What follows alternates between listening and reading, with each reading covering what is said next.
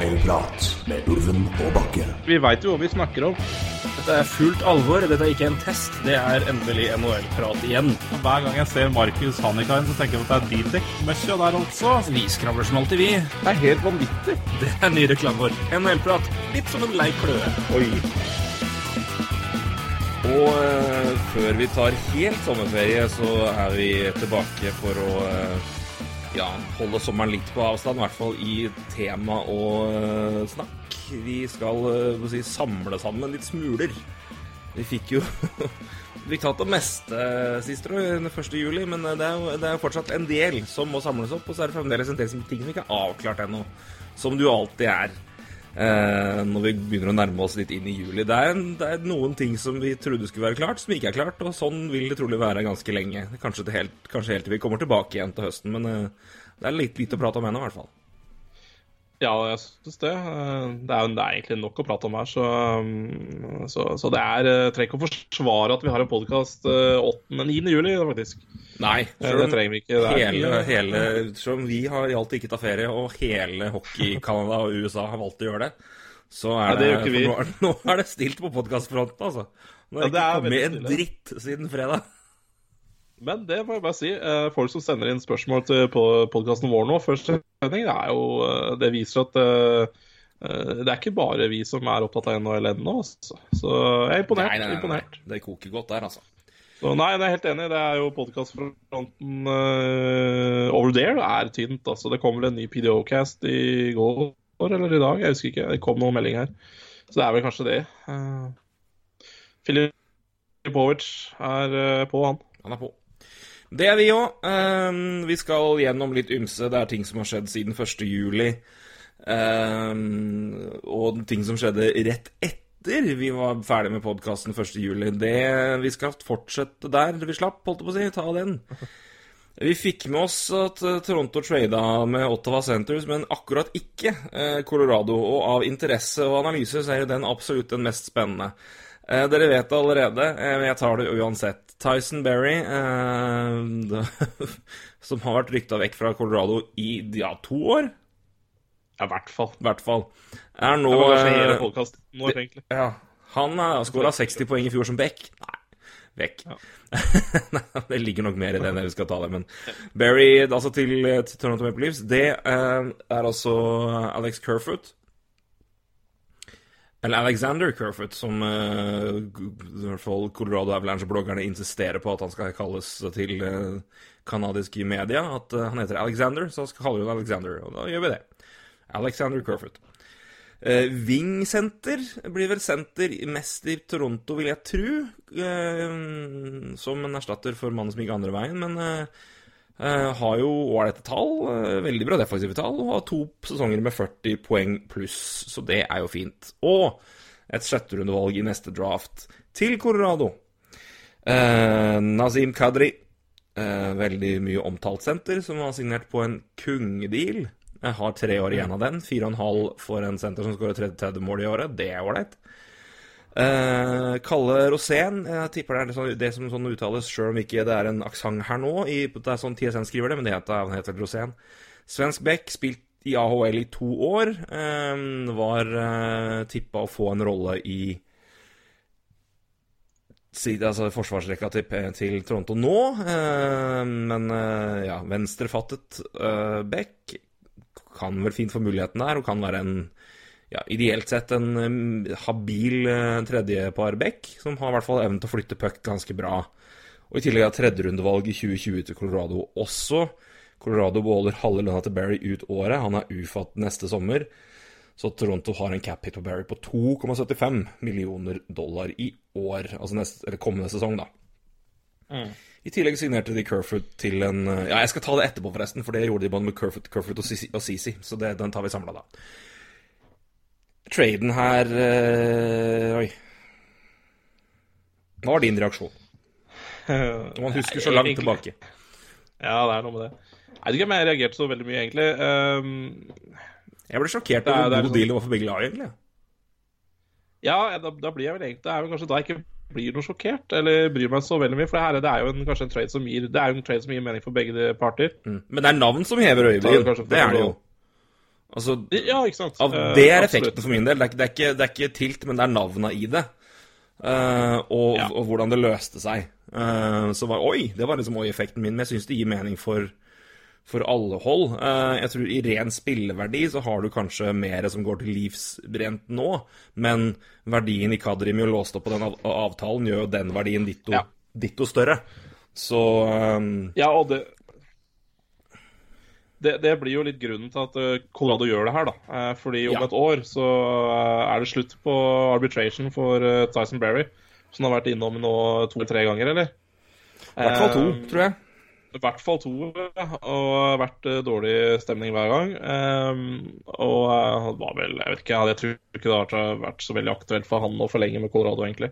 Eh, når man også ser på hva som forventes av lønn eh, om et år på han, så, så, så kan man jo også forstå det.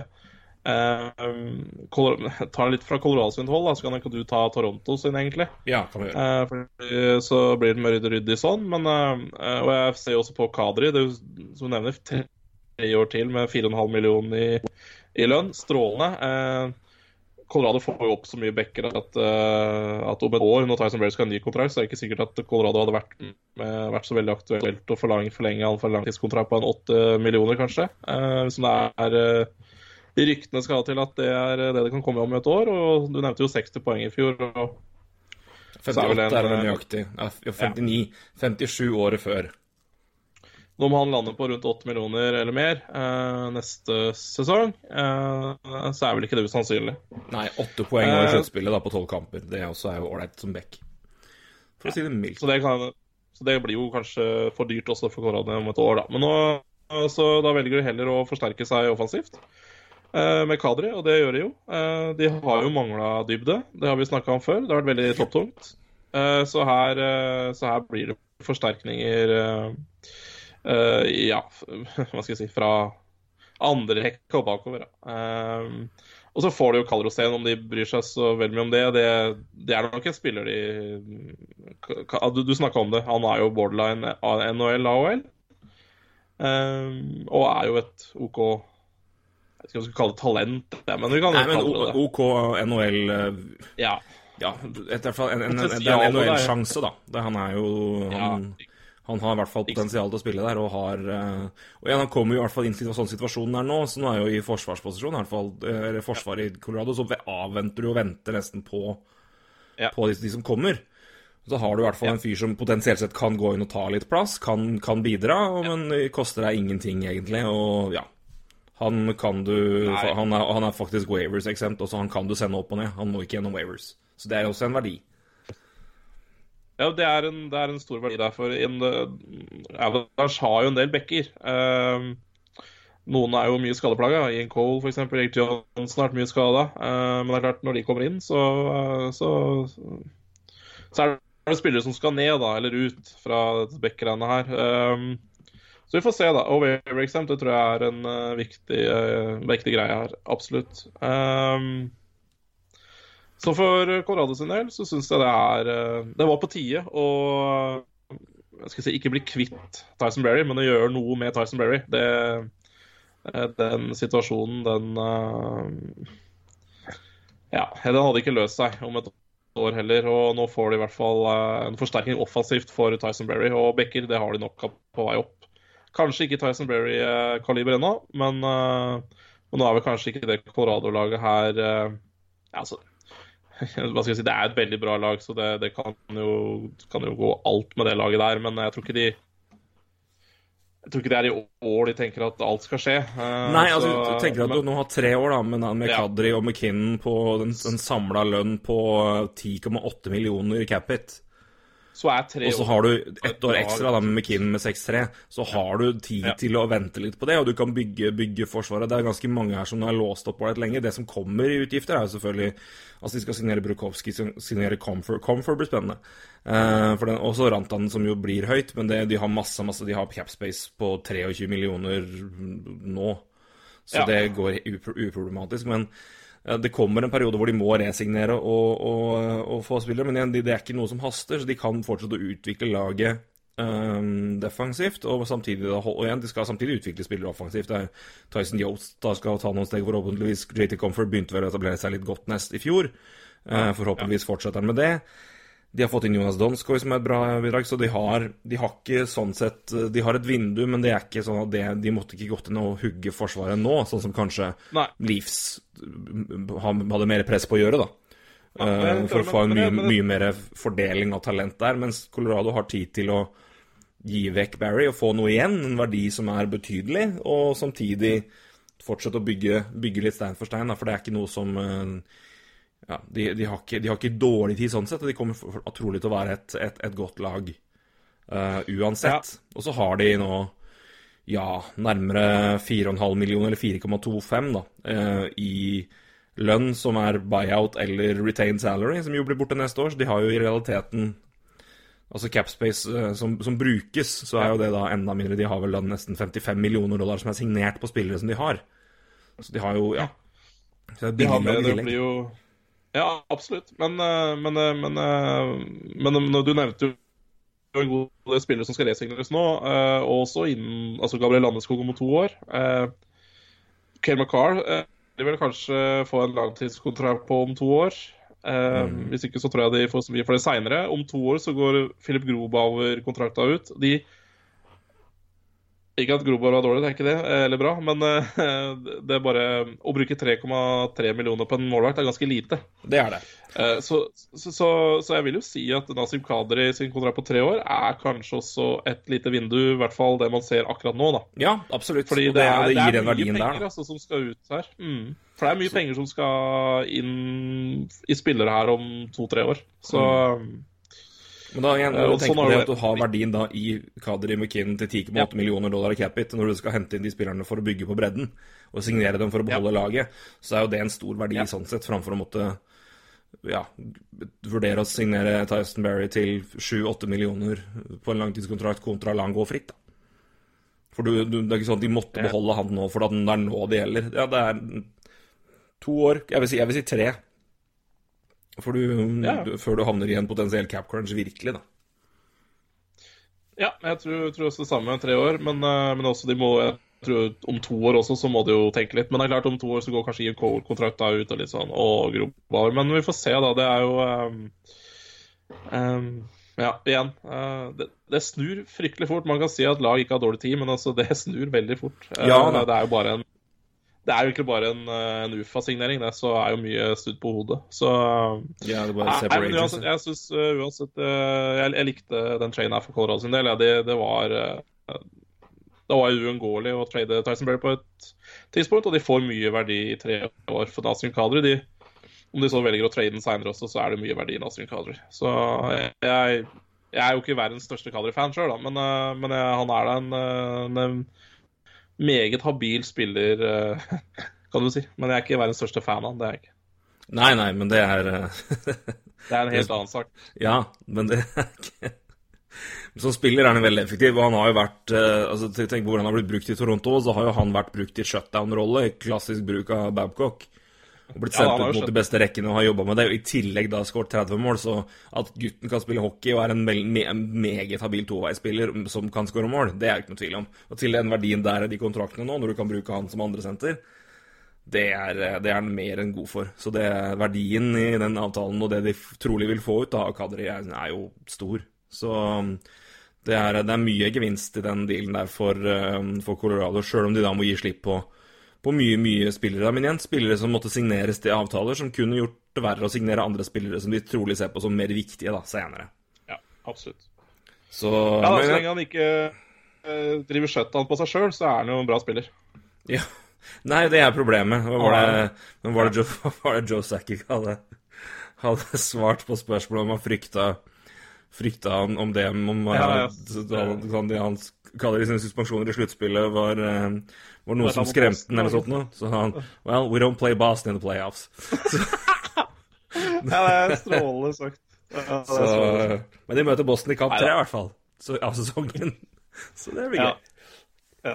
Nei, men, men det er interessant. Men eh, hvis vi skal, skal du se på det for Toronto sin del, da, så er det, så er det jo selvfølgelig en, en, en pakke her. Men det, lenge, det som lenge var ut spørsmålet, er jo hvem skal, hvem skal spille, hvem, skal, hvem, er, hvem spiller på høyresida, hvem skal gjøre hva? Uh, Tyson Berry svarer jo på det elegant med det her, og de får den jo da Og når de i hvert fall klarer å få beholdt lønna At Colorado beholder halve lønna um, Så de har han på 2,75 ut året, så verdien av den i ett år er jo enorm. Um, igjen, de fikk uh, Alexander Kerfoot inn, som var RFA. Signerte fire år til 3,5 million. Det er en avtale jeg tar lett hvis jeg er Toronto. Um, så de har i hvert fall fått, fått erstatta Tatt verdien da, i kadret og, og, fått uh, i hvert fall en spiller som er uh, Han er ikke like god, men han er i hvert fall litt billigere og er mer enn kapabel til å spille tredjesenter i det laget her, og vil uansett ha bra med supporting cast Eh, med tanke på den offensive dybden der, da. Og igjen, i Forsvaret så er det Ja, de skal jobbe godt uansett neste år, for det er veldig mye. Det er, de har, per nå har de Morgan Riley, som er signert mer enn en ut én sesong i, i, NHL. Um, de har jo selvfølgelig et par spillere som er signert på entry level-kontrakter som ligger i AHL foreløpig, men uh, men, eh, men med tanke på hva, hvordan de trengte å refordele litt eh, talent, og, og, og, verdien i Tyson Berry og mangelen på en right shot D, da, som de åpenbart har, klart har, så er eh, mm. Så igjen, skal du først klemme ut noe, skal du først trade kadre, så må du ha en verdi som, uh, som de har. Jeg syns de har i hvert fall fått refordelt talentene litt bedre. Altså, Toronto har jo mer enn nok offensivt talent. Det var defensivt som var utfordringa, og ikke minst det å, å få bekker, høyrefatta bekker som kunne flytte puck og kan bidra offensivt. Hvis de som så på Toronto-Boston, så var jo De gikk jo ja. konsekvent etter høyresida til Toronto defensivt, for der hadde du bare venstrefatta bekker som brukte tid på å få ut pucken. De gønna kun etter de, og igjen, det var Ron Hainsey og Zaitsev. De ble jo spist levende i kamper på forecheckinga til Boston, fordi de valgte selektivt sider. Ja. Med med Barry da, så har du i hvert fall mye mindre problem der. Han er jo ikke sånn defensivt strålende back, men han, han kan i hvert fall ta imot en puck og klarere den ut uten å måtte bruke tid på det, og har evne til å bidra offensivt masse. Så um, verdien der for ett år gjør det. Også i en situasjon som de, de, klarer, de, klarer, å gjøre det, de klarer å forsterke der uten å havne i cap-helvete, som gjør, gjør, det umulig å signere Marner. Uh, per nå har de medregna uh, long term injury reserve-rabatten uh, på Henrik Norton, så har de 9 millioner i cap space så skal det uansett skal det også ned, flyttes ned noen spillere til eh, For nå har de veldig mange oppe, i hvert fall i, i oversikten til eh, Oversikten til uh, Cap Friendly. Så skal det kanskje Så ingen som skal ned? Mm? Tar, ingen, ingen skal vel ned der? Det er 23 spillere der. Det, men signerer du Marner, så får vi som må én ned. Så da har, da har du ja, nærmere, nærmere 10 millioner, da, blir det vel Cap Space til slutt. Så kan ja, du òg ta med det at men igjen, du skal ha Zack Hyman skal på, skal på LTIR. Han, han, er ikke tilbake før i desember. Uh, så der forsvinner også litt, så du kan jobbe litt med det, i hvert fall. Så det, det, det, det er trangt, det er trangt men det, er mer enn en, en, mulig å få til det her nå. Så da og de har, på, ja, de har klart å Jeg syns de har, er i en posisjon nå hvor jeg syns laget ser bedre ut. Og Um, ja, og jevnere, i hvert fall. Jeg syns det jevner ut. Ja. Og uh, er fortsatt i en posisjon til at de har mulighet til å få Marner inn. Uh, og så uh, her har Guy Lubus jobba, i hvert fall. Det er ikke noe tvil om. Jeg begynner å like topp fire-bekkene, altså.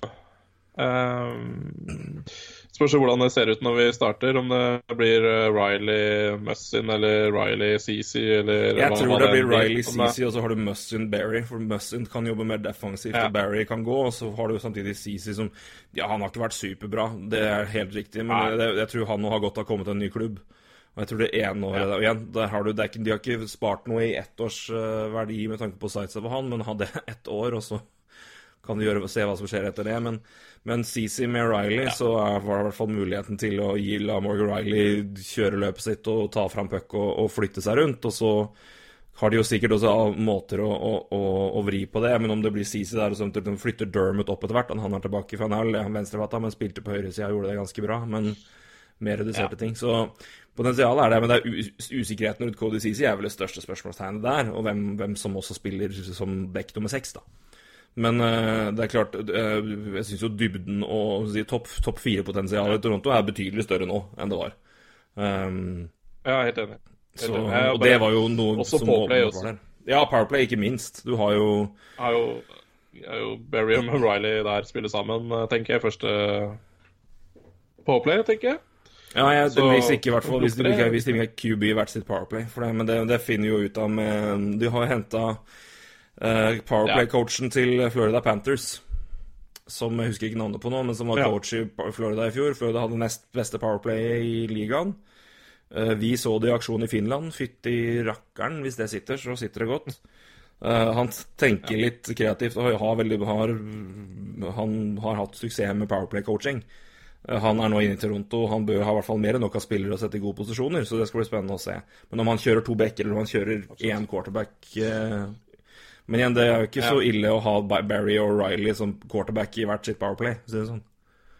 Du Nei, absolutt ikke. Og Så- det, det, det gjør jo også mye mer muligheter her, da. Eh, Men Absolutt. jeg liker også altså, Cody Ceesay får mye kjeft, men uh, han er da i hvert fall god til å flytte litt puck. Uh, uh, så, ja. Jeg syns Jeg det er verdt å se. Jeg, jeg er veldig spent på å se ja, ja. hvordan han får altså, det. er sånn, Ja, du kan se på Han har, har på en måte falt i verdi og, og, og har jo på en måte Men igjen det, det, jeg er også spent på å se han i et nytt lag. ass, for det, det er klart at det, har ikke, det er ikke bare bare å være back i Ottawa. Nei. Det har i hvert fall ikke vært det siste året. Så um, jeg er spent på å se han med et litt mer drivende lag og med noen eh, Ja Litt freskere folk Mm, rundt seg. Så jeg er, ikke, jeg, er ikke, jeg er ikke så sikker på at det er en, at, han, at det vil gå helt ille, sjøl om han har noen grusomme tall i en enkelte ting. Men jeg er veldig, jeg, han, eh, han er veldig bare spent på å se en ny setting. Så um, Absolutt. så jeg syns uh, men, ja, tar den traden ja. der, så syns jeg i hvert fall det er en, en, samlet, Jeg syns Toronto i hvert fall De ser jevnere ut. De er, mer fla, de er bedre, bedre fordelt. De er ikke like Ja.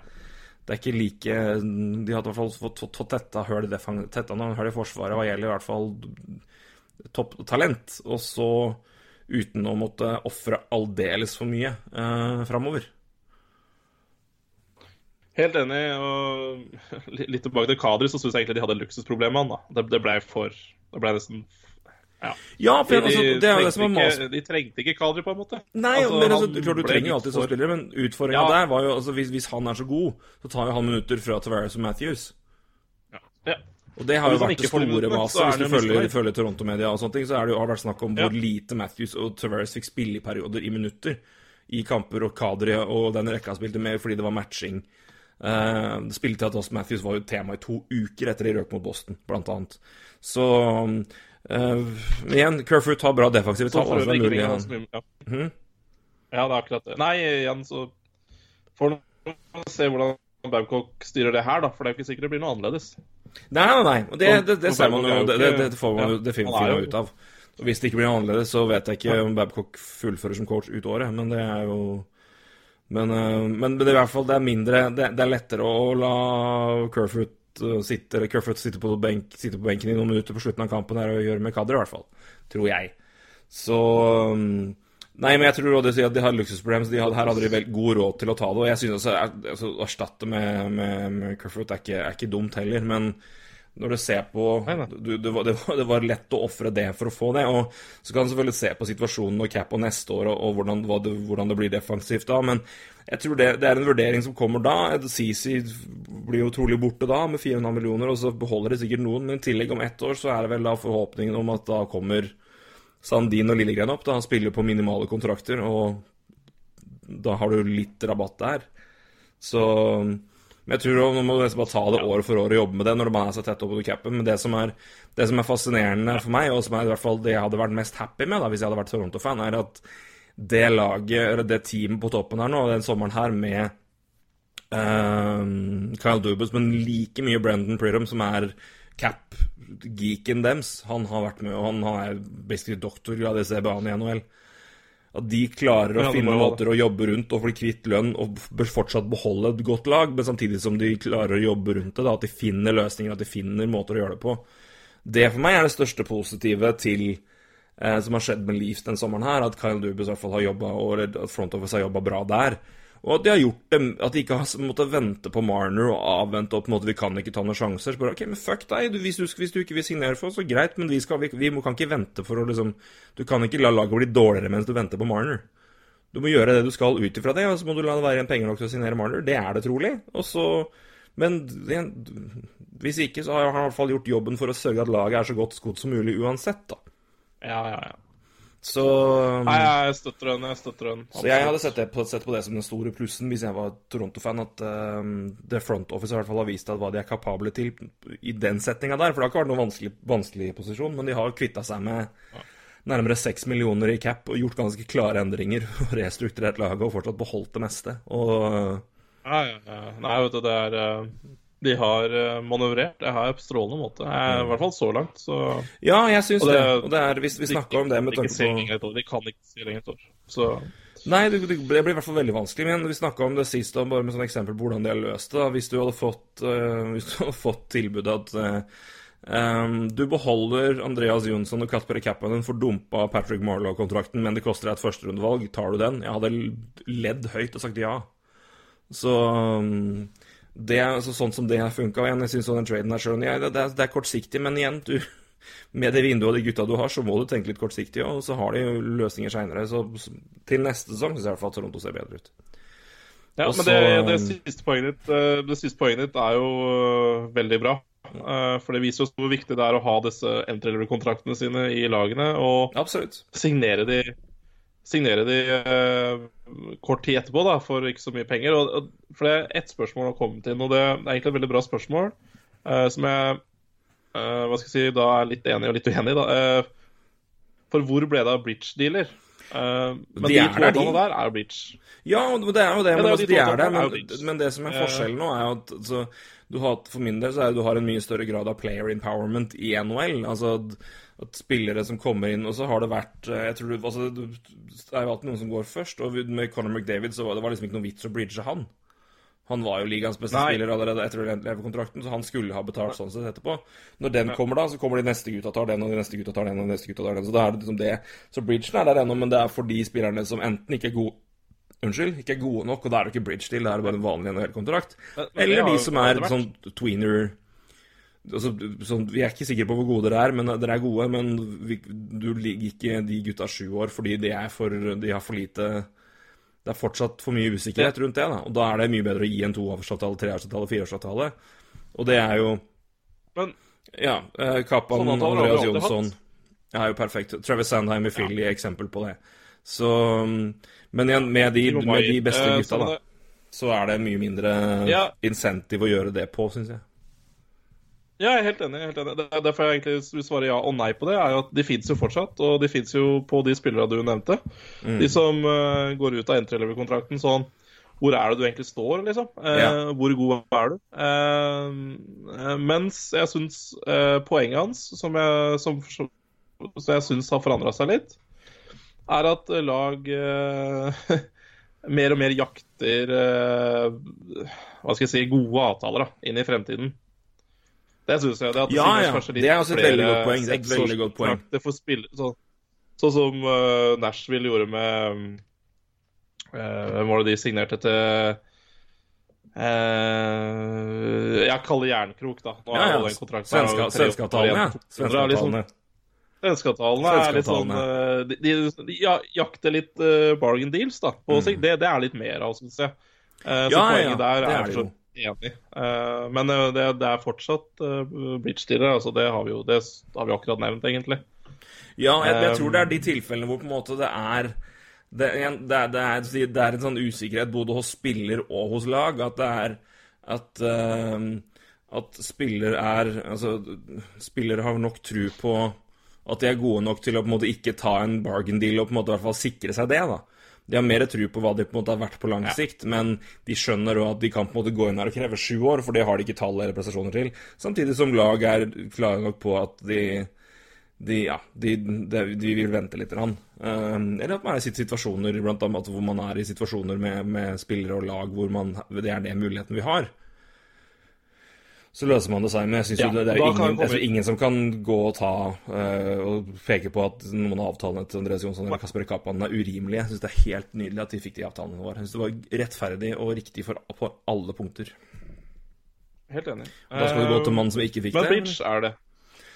Nei, men jeg vil bare, jeg bare For det er et annet spørsmål her. Og Ja. For jeg syns egentlig det igjen så er det to bridge-avtaler. Ehm, og det er jo Vi skal snakke Vi skal vel snakke om det uansett. Kevin LaBanc, ett år, én million.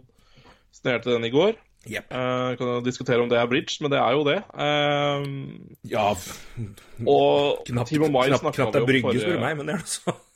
Ja, det er jo det er noe knapt er brygge igjen i det. Men, uh, Og Timo, men ikke sant, det her er jo Jo, er det bridge? Så fire og er bridge. Det er bridge. Altså, det er en, Ja, ja, ja. Det er en, eh, det er en pimpa bridge, men det er jo det. Det er jo ikke Ja, ja. Den fører den jo Altså, det- fører den til til- Ja, det, men det er det. Absolutt. blir så, så godt betalt om fire år at det hjelpes. Men eh, Ja. og, ikke sant, det her er jo et lag som er måten den er strukturert på, er relevant til det, som du sier. Den er strukturert Mayer har jo en kontrakt Ja. der han blir betalt 10 millioner dollar siste året av kontrakten.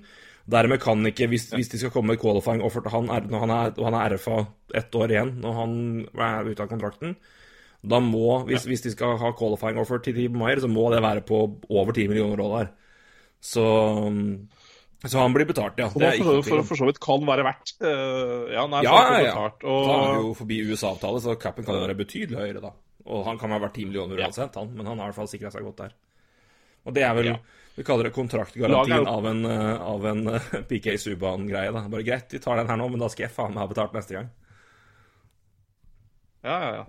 Nå, PK Eh, så eh, de ser jo pene ut, men uh, det er jo spillere som får igjen her. Uh, Kevin LaBanc om et år også vil jo få um, Altså, for det første, uh, Charles er jo pressa til å gjøre det her. Jeg tror de ville hatt lengre kontrakt på Team Maier hvis de kunne og ville hatt det. Ja. Hvis de ville hatt åtte millioner og åtte år, så tror jeg kanskje Team Wire hadde signert den, men eh, det har de ikke råd til. Og de har heller ikke råd til å gi Kevin LeBanc så mye mer, så, så vi får nå se om et år hva Kevin LeBanc får da, men eh, han Det er ganske utrolig da, å se at de gutta sier ja til det. det er, men det sier jo litt om det, de, det Doug Wilson klarer å bygge det, i det laget her. Hva han klarer å, å, å etablere av en, av en eh, av en villighet til å bli i laget og, og, og jobbe for noe kollektivt. Men det så tror jeg også er at de, de ser vel på en måte muligheten for å holde laget her sammen og gjøre en såpass god og, og, og vinne, rett og slett. Det må jo være det. Ja, Doug, Dog Wilson er uh, min uh, favoritt-GM om dagen. Nei, men, ja, men altså, Kevin LaBanc kan også få veldig veldig godt betalt om et år. Eh, Ja, ja. Han, det kan hende han better på seg sjøl også. Om han nå hadde signert tre år Tre millioner eller to og en halv million, ikke sant? så kan det blir bedre om et år. At, eh, for han at det blir mer penger igjen om et år. Ja, ja, fire år. Bare at han må spille bedre, og fem han har jo større- Mm. Han har jo større mulighet til å få en større rolle neste år med, med, med Ja. uh, Ja, han spilte vel med Ja, Carlsson så- og Eller var det Donskoy og Thornton i fjor? Uh, ja, det kan godt hende. Det, han, han var jo egentlig mye opp og ned, da. Han var veldig mye opp og ned. Han spilte overalt. Um, Skal vi se um, Det ja.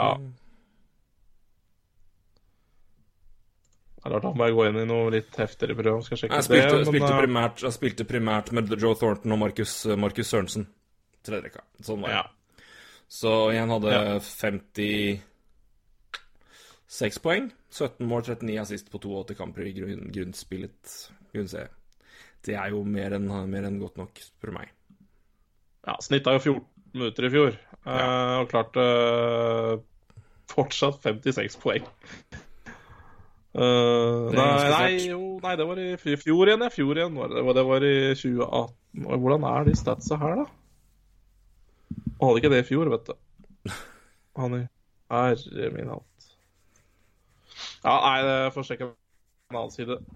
Elendig. Men uh,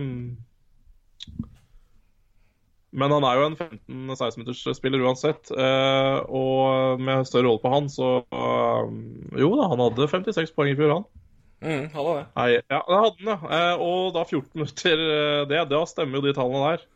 Um, 14-0-1 Det er jo lol. i snitt. Det er jo av meg. Ja. Det er lol. Det er lol, ja. Det er eh, Men jeg, altså, på- det er, det er jo ikke noe, ikke noe annet enn at det her altså, det, går ikke an å forklare det logisk utover. Altså, her har bare Doug Wilson prata med agenten, prata med Kevin og sagt du, situasjonen vi er i nå altså, Enten så må vi bare altså, Hvis vi skal ha noe som helst muligheter her nå, så må vi be deg ta et skikkelig hugg, så skal du få betalt for det seinere. Men vi tror vi har en god mulighet til å vinne noe. Se på laget vårt, vi kom langt sist. Um, og det var, da hadde vi Martin Jones uh, en tredjedel av tida. Spøkelset av han resten, resten av tida. Så um, kanskje vi, vi kan Her kan vi trolig bli bedre. Uh, vil du være med? Altså, heng på med meg. I ren Per Aspelin-stil. Og det takka Kevin Bank ja til, da, tydeligvis, for ett år. Så Det blir topp seks-rolle, det her. Så Ja, det, ja, ja. Men igjen, Som du sier, da, risken er jo- nå. Risken er jo at han kommer til å få mer betalt neste år. Så, men risken er jo da, som du sier, det altså, Hva er det? Hva, altså, om det skulle skje noe, så er det jo så, Det er jo det risken går på. Ja, Men, det er eh, kjipt. Det er kjipt. Så, men igjen, du må gamble iblant på en gamble litt. Og han får jo bedre betalt neste år hvis han enn han hadde gjort nå. Tøft gjort Det er det. av Kevin Bank. Tøft gjort av Kevin Bank og uh, Dog Wilson. Ja, han uh, Det jobbes der òg, Flink til å prate. Ja, Må være.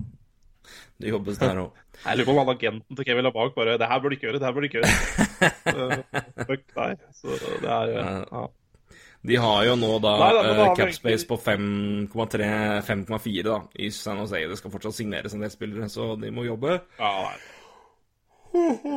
Det blir vel fort noen godt der leveler opp, tenker jeg. Ja, det blir noe Nå har de jobba godt, da. De har vel uh, De har jo henta litt sånn småtteri.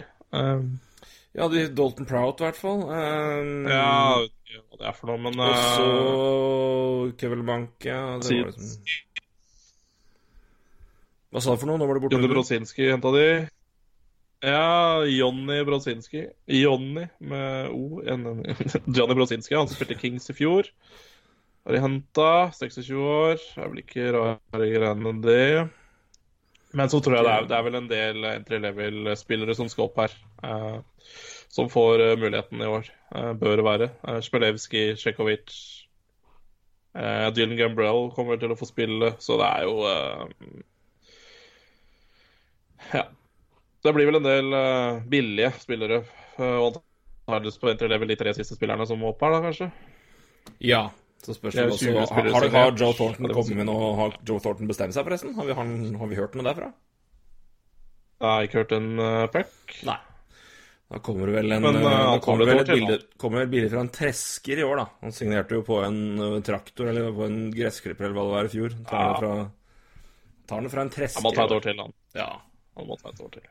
Nei, men igjen får du han på en, to millioner, én million tredjerekke. Det funker jo altså i den senterposisjonen der. Bare igjen, la han, Det holder jo bare til Powerplay 10, så er det verdt det. Så Ja. Det er det. Igjen, det er jo bare San Jose han går til eventuelt, så der har du ikke de Sånn sett er det jo ikke dårlig tid. Så Så det. Nei, altså, Eh, skal kanskje jeg vet ikke. På en billig Ja, Marlowe skal vel kanskje det. Eh, det er også sant. Hvis ikke så legger han vel opp. Ja. Det tror jeg er korrekt. Um, yes. Um, litt øvrig, da, vet du. Uh, ja, eh, som vi snakka om det mye sist, Sebastian Aho ble jo Offeret ble jo matcha. Så er han jo da offisielt forlenga, da, med Carolina Hurricanes Aho altså til 8,454. Uh, Ja. Det var vel ikke Vi snakka om det siste, og det, det var jo spørsmålet der var egentlig bare med den bonusstrukturen eh, men, eh, og hvordan det ville gå, men eh, det pekte jo Pekte jo hele veien mot at eh, trolig ville bli matcha. Ja, så- Eh, jeg, det er ikke så mye det, men jeg syns det har vært et sånn komisk og sånn i, i verden med jeg syns Montreal fikk veldig merkelig mye pes for den der. For Altså, er sånn, altså, ja, du må jo trolig betale mer og på en måte sette en situasjon sånn og sånn og sånn, men, men det, det, samtidig så er det også noe med Du kan jo ikke blakke deg fullstendig bare fordi altså, De ga en avtale som jeg syns, med tanke på sånn han var strukturert og sånn, med tanke på hvem laget var, og med penger og alt mulig at Der var det i hvert fall det påført hvert fall en viss gamble å matche, da. For, eh, for Hurricanes og for um, um, Hva heter han? Tom Dud- Dundon, er det Dunden, Ja. ja. Dundon. Ja. Så, um, Nei. så altså, klart kunne det ikke liksom gått ti millioner og liksom ofre alt der? Ja, men ja. Men jeg syns det var bare Jeg det var Jeg tror ikke det hadde spilt noen rolle. Jeg tror ikke det hadde spilt noen rolle. Og, uh, Bonusen hadde ikke sett så veldig mye annerledes ut, og, og du måtte gitt et førsterundevalg til, men altså Vet var Så enkelt som eh, de matcha, så tror jeg ikke de hadde gjort det der heller. Men eh, det er klart det hadde gitt dem litt mer å tygge på. Men jeg, jeg, jeg står på, jeg er helt enig for så vidt. Det har vært mye rart å lese siste uka.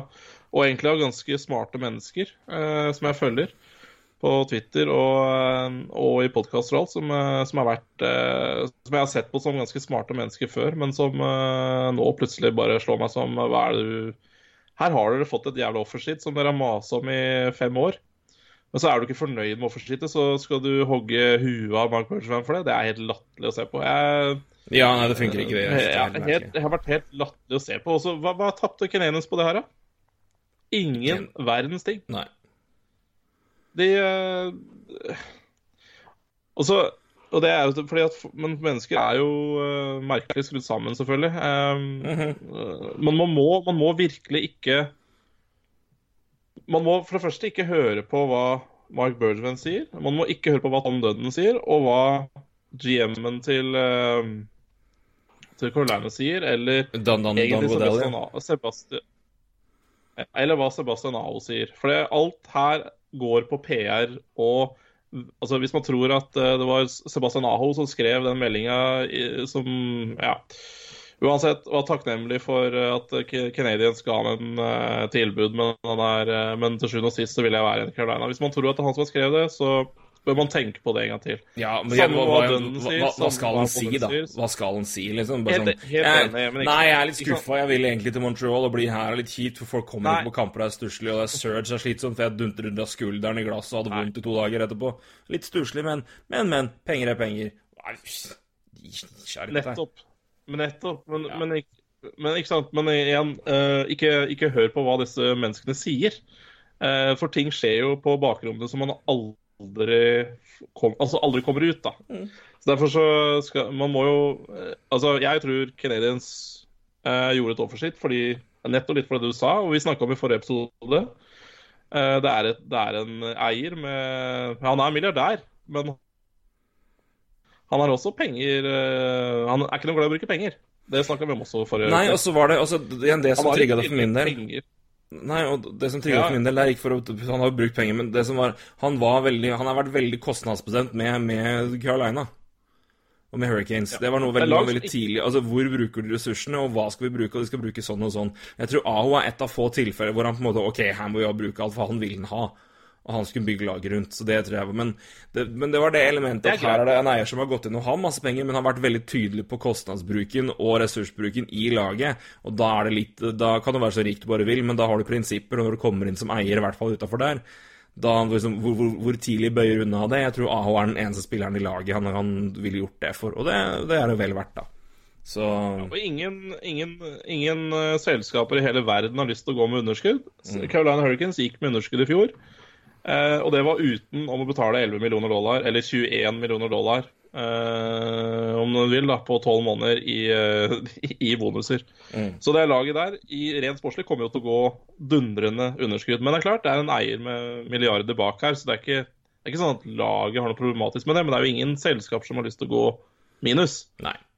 Men det kommer det til å gjøre med den bonusen. Det er jo ingen tvil om. Så igjen, uh, kalkulert risiko for Canadiens. Eh, De prøvde, det gikk ikke. Eh, Men å få kjeft for det er, virker jo helt meningsløst for meg. Nei, Men, men nå, er, nå er jo jeg Canadiens-fan. Så jeg, Nei, men jeg har reagert på det sjøl. det er merkelig. Og på en måte, jeg synes folk har liksom avfeid det for lett uten å på en måte måtte si Altså, for det, det er altså jeg, jeg, En ting er liksom at du kan være uenig og mene at det er billig, og på en måte her blir det matching uansett, men det har, jeg har ikke fått noe godt argument for det. Ingen som har tatt opp bonusbiten og sett på den delen der. Og jeg, jeg, jeg, jeg, det, jeg, synes det, og det er mulig jeg har tenkt tenke for mye på det, men jeg, det, det har vært, jeg har ikke hørt noen som har kommentert det biten med at det her var et lag som skulle, skulle jobbe hvor det, det var jo det som var temaet når han tok over og han prata om lønns... øh, det han ville gi til folk i front office, og det han ville bruke der, og her skal vi ikke bruke penger og altså, det, må, altså, det har vært et, en narrativ med det med Dunden siden han tok over, da. Og da er det åpenbart for meg en faktor som spiller inn når man gjør de vurderingene der. Så det, jeg syns også det var rart uh, Ikke så mye kritikken i seg sjøl, for altså, det kan du komme, med, men jeg syns bare mye av kritikken var jævlig dårlig, hadde dårlige årsaker bak seg, og dårlig liksom, grunnlag og dårlig reason, og da Det er liksom, Du kan mene, du, kan mene hva enn du vil, og, men uh, så lenge du ikke har noen god grunn til å backe det opp, så kan jeg å mene det er håpløst uansett. Uh, det er sånn jeg er er føler altså. vurderinger, i hvert fall. Og det, jeg syns det var veldig mye av det som var dårlig argumentert for. Og det er helt greit at de var uenige og mente det var dumt, men da argumenterer i hvert fall godt for det, så kan jeg høre på deg. Og det syns jeg ganske få gjorde. det. Så det reagerte jeg litt på. Det ble også meldt om, hvis vi holder oss på Ja. mens vi holder oss på eh, ikke AH direkte, men hans agent, da, og Manchua, det var også snakk om at Manchua vurderte å se på Point.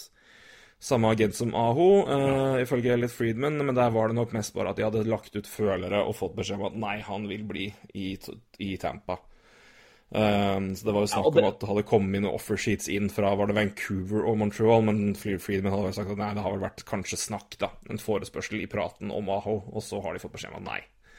Det tror jeg ikke er noe vits i, gitt. Ja, og det, og det her er egentlig akkurat derfor jeg syns den kritikken er latterlig. Fordi Canadiens sender jo ut følere eh, Ja. med agenter. De gjorde med Aho. Aho sa vet du hva, det, det, det er greit. Eh, kontraktsituasjonen i Carolina ser mørk, mørk ut. De driver og skal ha meg på seks millioner og det som er, så det er greit. Uh, få meg et UFA om fem år, det er greit, det. Uh, strålende jobb av AO og agenten, for så vidt. Uh, og så sender Canadiens selvfølgelig ut følger for Point også, men når Point sier Eh, Ja, eh, men eh, jeg har i tillegg skattefordeler i Tampa, så da må dere opp i 11-12 millioner, ikke sant? Det, det, da blir det helt uaktuelt med en gang. Ja. Så ikke sant? det er der folk ikke ser Altså, OK, da. La oss si det var 5 sjanse for at uh, Canadiens fikk Aho. Men det er 0 for at de får Point eller Marner. Så Ja, da må du, hvert by- du må by uansett såpass mye at det er fullstendig uaktuelt. Liksom. Det er det som er uh, jeg, du legger jeg, 11 jeg, millioner på bordet til Point, så sier han nei, ikke sant? Om de legger 11 millioner på bordet til Marner, så sier han nei. Men Ja, ja, ja. ligger det 8,5 millioner på til Aho, så er det 5 sjanse. Da, da tar jo den. Altså det, det, det er bare litt ulike situasjoner på Aho, Point, Marner, da. Det er uh, Marner er, uh, vil være i Toronto, det tror jeg ikke er noe som, noe som er tvil om. Point tjener for godt i, i Tampa og har det bra i Tampa. Mens Aho i Carolina, vel Han har det sikkert bra, men uh, det er jo Carolina, da. Uten å liksom hetse Carolina på den måten. Mm. Nei, nei, men jeg, men jeg tror altså, vi, jeg, jeg tror det er samtidig er få tid- tider hvor Carolina har vært mer fristende enn akkurat nå, med tanke på framgangen de hadde i fjor, Ja. og og, spillere og forsvar og, og det som er. Og så øhm, Så jeg syns jo det er oppløftende Men kontraktsituasjonen sto fast. Men kontrakten han så- gjorde det, og det, men nå har han i hvert fall den løst seg, så det var jo veldig ålreit der. Ja, et par ja. ting til. Eh, vi kan vel gå rett på um, Ja, Andreas Martinsen har vel, fikk vi sikkert noen spørsmål om, vil jeg tippe?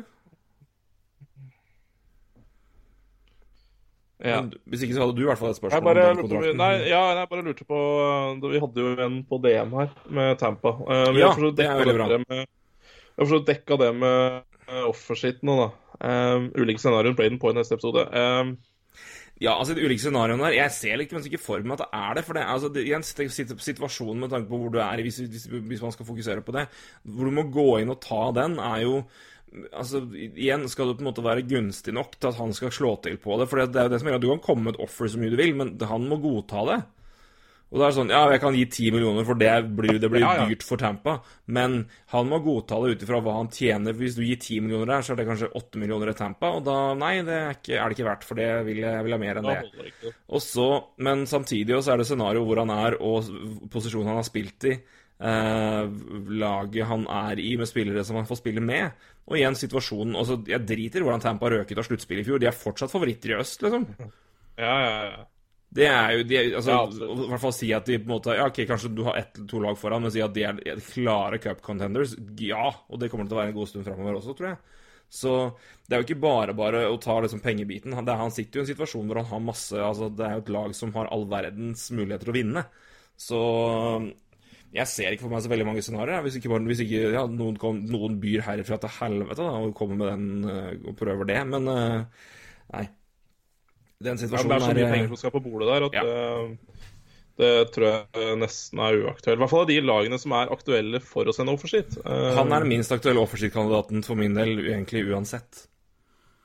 Før vi begynte også. Det er mange andre som er mye mer aktuelle for det, med tanke på situasjonen rundt der. Men det er så mye som tiltaler for han, i, for Tampa, for hans del, At det, det, er, den er, den er, den vanskeligste å få, å få ja på, og få en situasjon det, hvor det er gunstig å gjøre det, rett og slett. Så jeg har eh, så, så nei. Så jeg tror ikke det er så veldig mange scenarioer som er særlig kredible utover at han blir der. At Canucks har sendt offensivt på han, eller vært i diskusjoner, skjønner jeg heller ikke. Men det er noe så. Jeg gir ingen mening at eh, Vancouver skal ut og ha point. Men det er meg. Nei, så er det Jim Benning og kontrakter, da. Ja, det er sant. Så det gir jo null mening. speideren fra himmelen er også kontraktmannen fra helvete. Det er jo det som er Ja, nei, jeg fatter det i hvert fall ikke. Når du har eh, Signert bra kontrakter nå i sommer, da. Det skal han ha. Så han kommer seg. Ja. Godeste Jim. Men hva var det to Eh, spørsmål igjen? Eh, ja. uh, I tillegg hadde det vært spennende å høre om hvilke moves Tapper må gjøre for å få plass til point. Hvem må trades osv. Ja, jeg vet ikke om du trenger trenger å ja. gjøre så mye nå, egentlig. Eh, nå har du jo fått blitt kvitt JT Miller. Du fikk jo til og med betalt for det. Eh, og I tillegg så har du da en eh, Ryan Callahan som går ut, og han, den, han, er, han er jo hockey Ja, i, hockey han må jo være feil. Han er hockeykrøpling nå, så han forsvinner jo eh, på long term injury reserve. Så du har allerede nå Du har allerede 5,5 millioner i cap space. Så forsvinner en ytterligere 5,5, så du sitter på over 11 millioner på de to som, får, som, er, Ja. som er blitt borte, og som går vekk. Um, det du har igjen å signere her, det er eh, Braden Point og Adam Ernie. Ja. Det har du råd til. Uh, så jeg, fint, jeg her. tror det egentlig bare jeg, jeg tipper det er bare det, altså det, det, det er det detaljer det går i. Det er eh, hvilke moves som må gjøres. Det har de allerede gjort. Du trenger ikke tappe noe mer her nå. Det jeg tror står på på point, er eh, at eh, det Tampa er neppe interessert i at han Nikita Kutsjov, men Point er sikkert interessert i mer enn Nikita Kutsjov. Ja. Det er han jo Det jeg jeg vet, jeg vet bare ikke om han har, det jeg vet ikke bare om han har et jævlig godt argument for å få det, med tanke på at Kutsjov hadde en latterlig billig avtale. Og så har han pissa på hele NHL i to år, og så signerte han den avtalen der som er på papiret i hvert fall ganske altså, meget rimelig. Men han har jo da igjen sier, gevinsten i at 9,5 millioner Tampa er verdt mer enn 9,5 i ja, Chicago, da, for eksempel. Ja, Så Nikita Kutsjov signerte den for et år siden, så ja. Men jeg har sett, det kan, godt hende jeg Stamkos-penger, altså at de ikke skal ha lenger enn Stamkos også. Eller mer enn Stamkos. Ja, ja, ja de, har står de har vel ganske sånne strikt ting gode på lønn, så det kan jo godt være at det er liksom der det står. Ja. Men, eh, men, eh, men igjen, du har en ganske klar Du har et ganske klart og greit lønnshierarki i Tampa, som jeg tror de er ganske Der tror jeg er ganske strenge. Um, og jeg tror så Ja, nei. eh, tror jeg gir meg Men jeg, jeg, men jeg, har- samtidig har ikke hørt noen ting om hva, hvor da- hva de har prata om. Men eh, Nei, får han, får han mer enn Kutsjov, så blir jeg sjokkert. ja, det, det tror jeg ikke han får, men, eh, men at han er ute og vil ha det, det tviler jeg ikke et sekund på. Mm. Ja, Men det er klart, forhandlingssituasjonen, da. Uansett, han, eh, han trenger jo ikke å signere i morgen. Han trenger ikke å signere Nei, nei, nei. Og det er ikke noe som må gjøres heller. Så um, Nei. Så Tampa, de eh, igjen, eh, de er gode på dette med å manøvrere seg rundt cap, de også. Nå var de heldig, da. Ja, ja, ja. Hva skal jeg si, i hermetegn, at Ryan Callahan eh, rett og slett er ferdig. Jeg tror han egentlig har vært ganske altså, men jeg tror, jeg tror det er ganske mange spillere som hvis du virkelig går hardt inn der, som du kan definere som de har såpass mye kroniske skader at hvis du vil kalle dem øh, Altså, gi dem Ja. den stempelen, så kan de få det. Jeg tror, sammen med Luango, så mye skade som han har vært de siste, siste to åra Jeg tror du kunne sett på de hoftene her og sagt Ja. «Eh, du bør gi deg. Um, Og så kunne de gjort det på den måten der, men, eh, men Callahan at han, har vært, han har jo vært herpa i år og dag. Det er jo ikke noe mye Det har jo vært eh, sånn som han har spilt hockey, så overrasker det meg ikke ett sekund. Men, eh, og da slipper de jo traden vekk, da, og måtte eventuelt betale den ut der. Og JT Miller fikk dem jo til latterlig høy sum, så det var ja. Og nå har de jo i tillegg også, nå har de i tillegg også tre keepere oppe som alle tjener over en mil, så da forsvinner det sikkert en mil til, så da har du enda mer klaring, så er det veldig, det er veldig greit. Så nei, cap-situasjonen i Tampa Bay er utrolig nok igjen helt fin. Ja, de, eh, ja, de, de får det til, da. Men eh, Ja, det er klart ja, når du får Nikita Kutsjov til 9,5, så blir det bra. Og Hedman til ikke 8 millioner engang. Ja. Nei, det er uh, godt. Det er godt. Tror de klarer så fint er gitt. Ja, hadde vi noe mer på tapetet? Skal vi ta spør med en spørsmål? Ja, det var eventuelt signeringer og kontrakter, men jeg tenkte bare med Martinsen. Ja, det kan vi jo ta. Uh, ja, Martinsen, ja Ja, vi kan begynne med det. da. Ja, han får kontrakt, i hvert fall. Det er det viktigste. Um, Men du hadde et interessant poeng der, som ikke, for du har jo kikka på kontrakten på Cap Friendly, vil jeg tippe, og sett Ja, eh, egentlig så er det jo For det, det, jo det som er rapportert, er jo 750 000 og 250 000 i AHL. Ja. Eh, Men hvis du ser på kontrakta i eh, på altså detaljene, hvis du klikker deg inn på sjølveste Andreas, så ser du jo det at under kontrakten, så under der lønna står, så står det minimum guaranteed salary i 2019-20 er 390 000. Ja. Eh, jeg tror vel jeg skjønner hva det betyr, eh, for å si det sånn, men eh, bare hvordan det fungerer. Men da er jo at vi, la oss si at han tilbringer hele året i minor i eh, AHL og tjener 250 000. Så får han en, en dere, eh, balloon payment på slutten av året som er 140 for å få han opp på det tallet. Så Ja. hvis, ikke han, hvis ikke han har akkumulert det gjennom en sesong, så er, han, er Ducks han skyldig de pengene som han ikke har fått, da, for å nå opp til 390 000. Eh, Det er sånn jeg leser det, men bare hvordan det fungerer rent praktisk, har jo du sendt mail til Cap Friendly og spurt om, men du har ikke fått noe Ja, svar ennå? Jeg har ikke fått svar ennå, men det er, det er litt interessant. Eh, for egentlig så er det Petter Tenstad som spør om det. Ja. eh, og det eh, Hvorfor er ikke avlønna til Martinsen og andre det samme som den garanterte lønna? Eh, det er jo et interessant spørsmål. Altså, Hvorfor står det bare da ikke 390 000 i minors salary når det er garantert uansett? Eh, men dette tror jeg nok går litt på, på Disse spillerne tjener jo penger hver dag. Altså Det er jo 390 delt på Eller 250 delt på osv. Og 750 000 delt på antall dager osv. Så, videre. så jeg, Mm. jeg tror nok det går litt på antall dager her, altså. Um, som man tenker litt på. Um, for hvis det hadde stått 390 000 her, så hadde det blitt høyere per dag. ikke sant? Uh, og da måtte det kanskje vært annerledes. Men, men det her er jo ikke noe nytt at garantert lønn er uh, det, Og det pleier å være på spillere som er litt Hva skal jeg si Litt, litt bedre AHL-spillere, uh, har jeg jo sett det på. Uh, og spillere som man kanskje kan forvente spille litt mer i NHL. uh, eller i hvert fall være litt oppe i NHL, da. Uh, så jeg tror nok det er, en, det er nok en forhandlingssak, det der. Og jeg tror nok å, det, blir jo mer spekulering, men det er, nok, det er jo litt sånn klausul det her også. Så om det finnes andre klausuler. Men så tror jeg at det går egentlig litt mer på at Anheim har nok en tanke om at uh, Eller det er jo det er først og fremst agenten da, som må prate der inn, men, men det er nok en tanke om at Anheim også skal bruke den litt. Uh, og du kan jo tenke deg, Hvis han hadde tilbrakt halve sesongen da, i AHL, så er det 125 000. Halve sesongen i NHL blir da 300 og, eh, 375. Det er 75, unnskyld. 375, ikke sant? Eh, snappe, knappe 500 000. Og det er klart, da Ja, så Ja, Nei, det blir mer spekulering. Jeg venter på svar fra Camp Friendly på det. eh, og skal, skal poste det når det kommer. Eh, for jeg, det, det er jo et veldig bra spørsmål. Eh, men jeg, det blir mer spekulering hvis jeg skal svare på det nå. Altså. Men jeg har sett det før. Ja.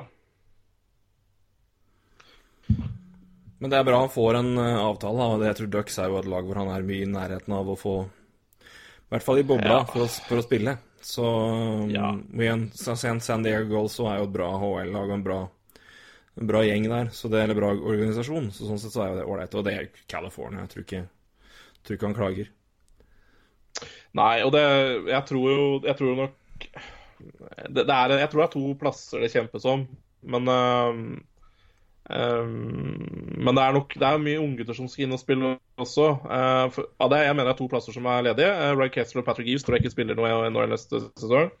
Nei. Og da tror jeg det er to plasser som, er, eh, som, som må kjempes om, og de tror jeg kjempes om fra Max Jones, Sam Steele, eh, Maxim eh, Comtois. Eh, de er de tre unggutta som jeg tror De har jo spilt mye NHL, så de kommer jo til å gå litt opp og ned, tror jeg. Mm. Men det er klart, du skal slåss mot de. I tillegg så trada de til seg Nicolas de Lauray fra Montreal for et fjerdevalg, så han har nok tenkt en rolle.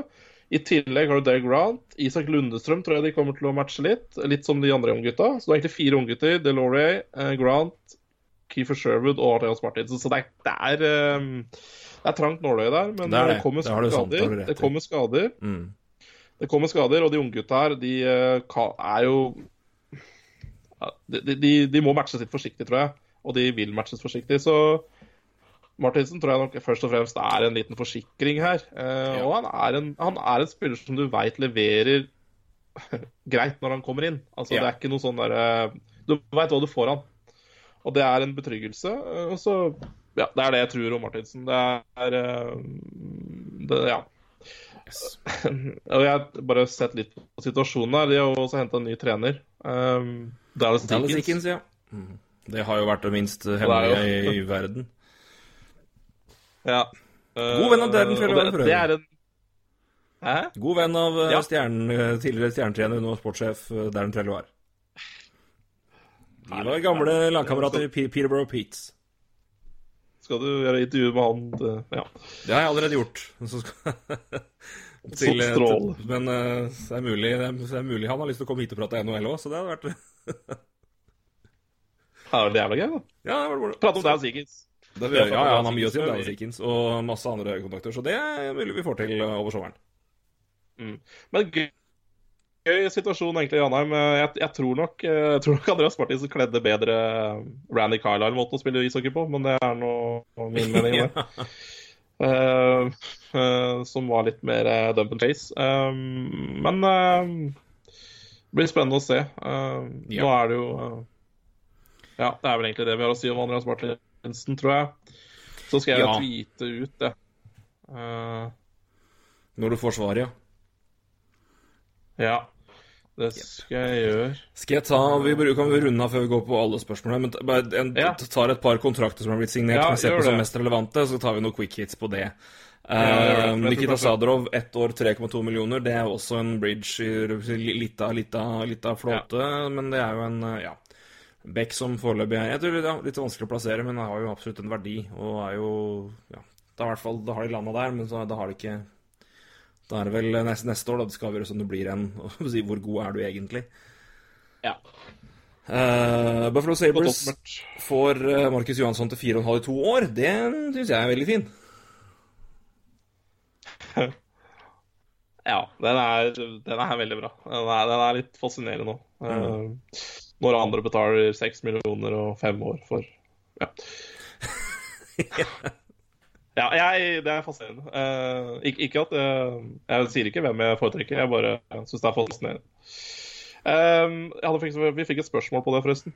Uh, hva Ja, og Johanssons 4,5 i to år. Det kunne da vel Boston hatt råd til? Det, Ja um, La meg bare se her nå. Uh, det overrasker meg jo. Altså, de har jo sikkert vært i prat med en. Uh, no, Ja. eller det, noe annet ville vært sjokkerende. Men eh, la meg nå bare se, da. eh, hvordan det ser ut i Boston. Ja, det ser ikke så veldig bra ut. Charlie McAvoy er RFA. Ja, Heiden er Nei, nei. Det hadde ikke det Med den capspacen jeg har nå, så blir det mye. For da hadde du sittet igjen med seks millioner og skulle signert Heinen, uh, McAvoy og Carlo. Nei, nei. Heinen er et Du må du helvete. må Ja, du må, og du må låse McAvoy lenge. Ja, du må det. Eh, så og det, det, her, Ingen av de her er lette. Brandon Carlo eide sluttspillet. Charlie McAvoy er Charlie McAvoy. Og Danton Hayden hadde en kjempesesong i poeng i fjor. Nei, for to år siden. Han var mer shaky i fjor. Men det er jo ganske stor enighet fra både spiller og klubb om hva som er rimelig. Så det er tre Ja. krevende forhandlinger, altså. Den er de det her blir spennende, mildt sagt. Um, Ja, så Dalton skal jo på arbitration, så um, hmm. ja. Ja, Haien skal opp til arbitration. Ja, det, det, det gir jo all mening i verden. For det, noe, alt annet ville vært umulig, tror jeg. Med, tanke på hvor de hvor, Altså, du kan fokusere på to vidt forskjellige ting. Ja. Um, Og hvis noen tror at de kan sende offersheet på Charlie McAvoy, så kan du ikke det. Han, uh, han og Brock Besser og er en kar til. Uh, kan du ikke sende noe bullshit på. Det er, det er noe, det er noe college-greier der. Noen regler på antall år i Å ja, ok. Ja, det er noe eh, Faen, hvilke andre collegegutter er det, da? Det er jo Eh, tre spillere. Det er en regel her i hvert fall. Um, Kyle Connor kan du det på, men, men det er et eller annet med Charlie McAvoy og Brock Besser. Og en til, som jeg ikke i farta husker eh, hvem var. Uh, så offersheet på Charlie McAvoy går ikke. Skal google det kjapt, for da har vi Burde jeg selvfølgelig googla det, da. For Jeg holder, jeg holder på med saken. Det er min uh, bra, bra. bra. Skal vi se Bra, bra, bra. Hvis ikke så hadde jo Sherlock vært en fristende å få skitt på den.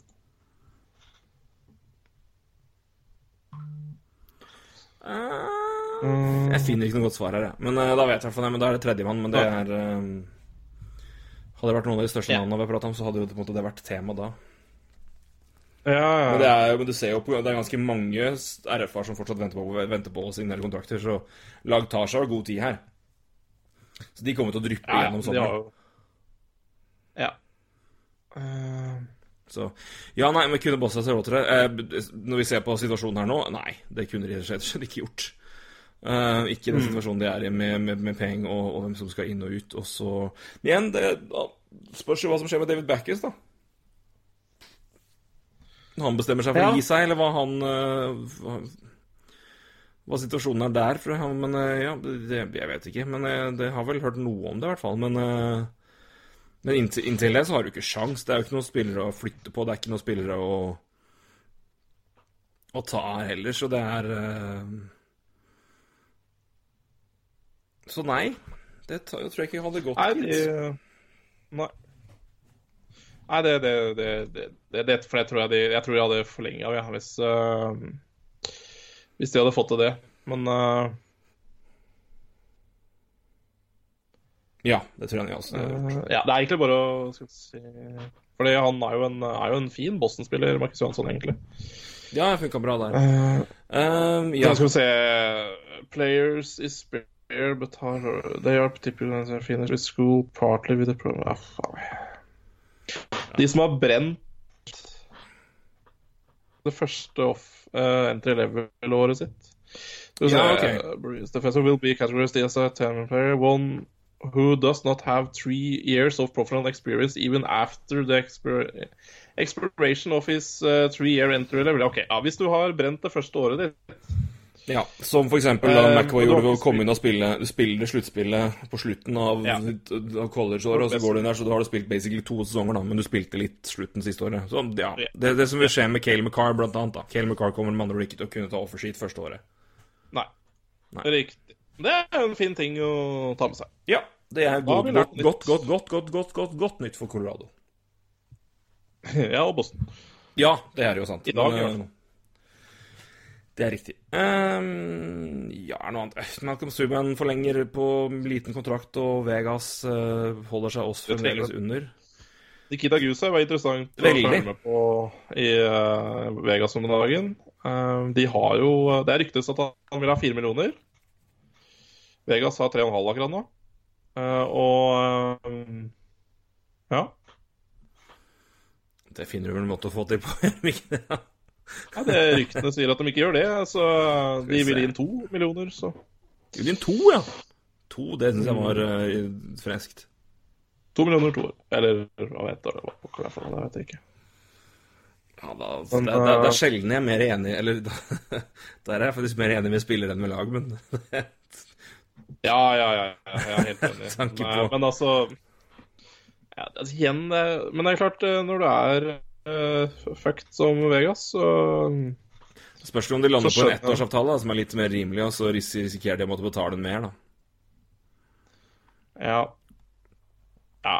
Men igjen, da fører du den jo ut til Da fører du den bare til UFA eventuelt, men eh, ja, det, det, det, det løser seg vel, på et vis. Kanskje. Kanskje. Vi får se. Uh, det. Um, ja, men ja. da vi kan gå til spørsmål, eller? Ja, mer? ja, det kan vi Ja, det er egentlig veldig mye, veldig mye bra spørsmål i dag. altså. Folk er på. Det er bra. Eh, ja, Fredrik Gustavsen, hvor langt unna NHL er Emilio Pettersen? Det er uh, lenge. Ja. Um, Og det er mange som nå har han- klart, Han har høyt, har spilt ett Ja. Nå har spilt ett år på college. Eh, så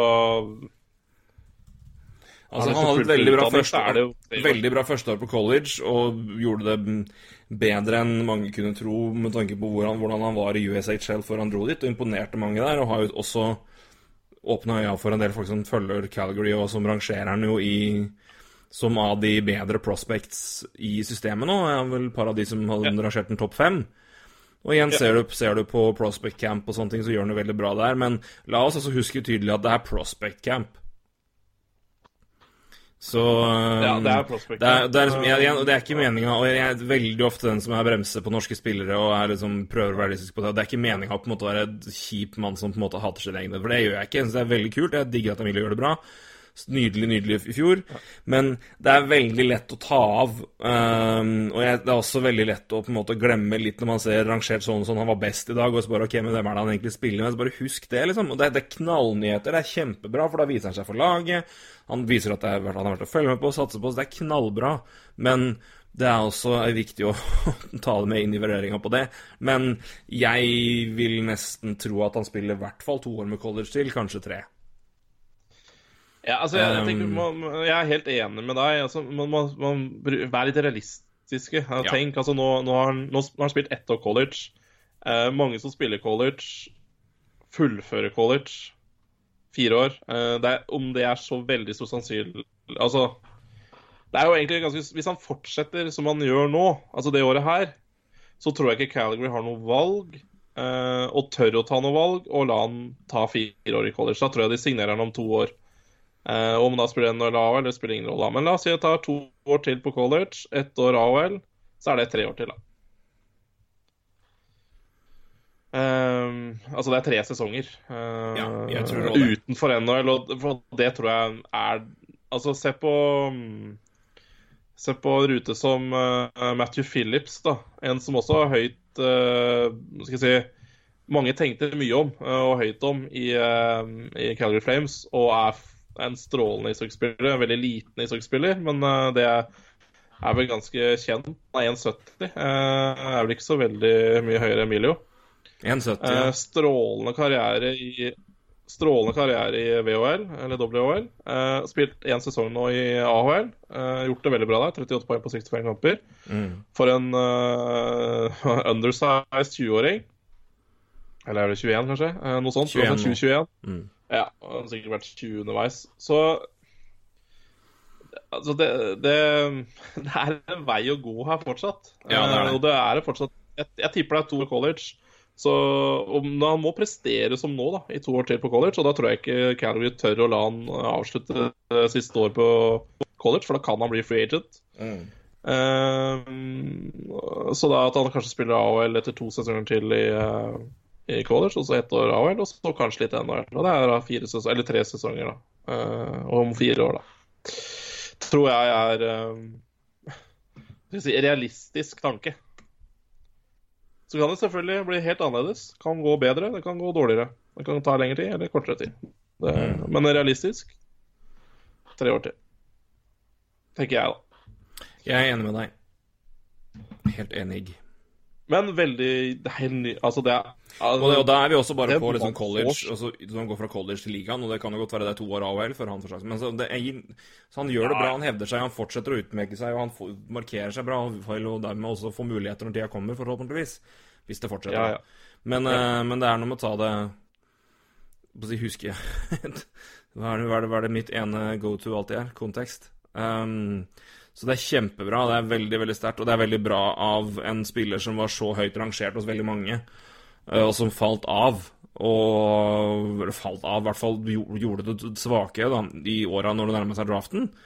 Og ble, falt jo ned til runde seks av den grunn, og så nå tydeligvis da klarer å finne tilbake til det han gjorde best, da, og fortsetter å utvikle seg og, og imponere veldig første året. Det er veldig sterkt, og så er det gøy at han fortsetter å utmerke seg. Men det er lett å se seg litt blind på alle de rapportene, men da er det viktig å huske hvem det skjer mot. Men det er knallbra. og det eneste er, de, de, de kommer ikke til å svekke noen posisjon hos, hos uh, i Flames, i hvert fall, og det er veldig viktig. Men uh, jeg tror ikke det betyr at han er NHL-klar neste uke, for å si det sånn. Jeg tror ikke det er det dere tror heller, men uh... Nei da. Nei, jeg tror ikke det. Også. Men igjen, han, får jo mye skryt, og det tror jeg egentlig for jobben han legger ned sjøl. Ja, og så er det veldig Jeg, jeg skjønner det, for jeg, det, det skal ikke, jeg skal ikke si at dere tar av og vi, vi vet bedre. Nei, det er ikke det i det hele tatt. Men, men jeg skjønner det, for det er så få nordmenn som er der, og de som nærmer seg, vi heier så jævlig på det og vil det skal skje og vil det skal gå bra.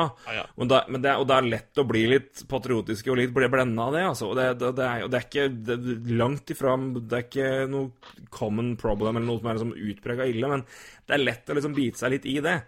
Og øhm, ja, det, jeg har vel sett noen omtaler av den Suka-avtalen som jeg bare lurer på ikke. Enten så har du liksom drukket alt norsk fra 17. mai og er full ennå, eller så er du patriotblind.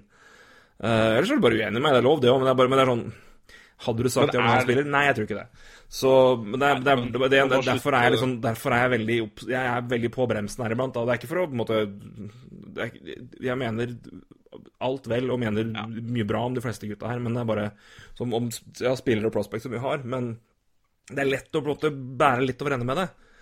Eh, og da prøver jeg i hvert fall å tråkke litt i bremsen og vente vent nå litt, da, i hvert fall. Men jeg Så tror ja.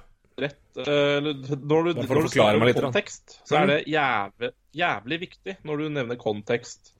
ja det er det Så man må alltid. se hva Ja, men det er kjempeviktig, og det er jo akkurat det som jeg syns man må ta av, da. Som med Zuccarello. Så er det jo ingen som sier det.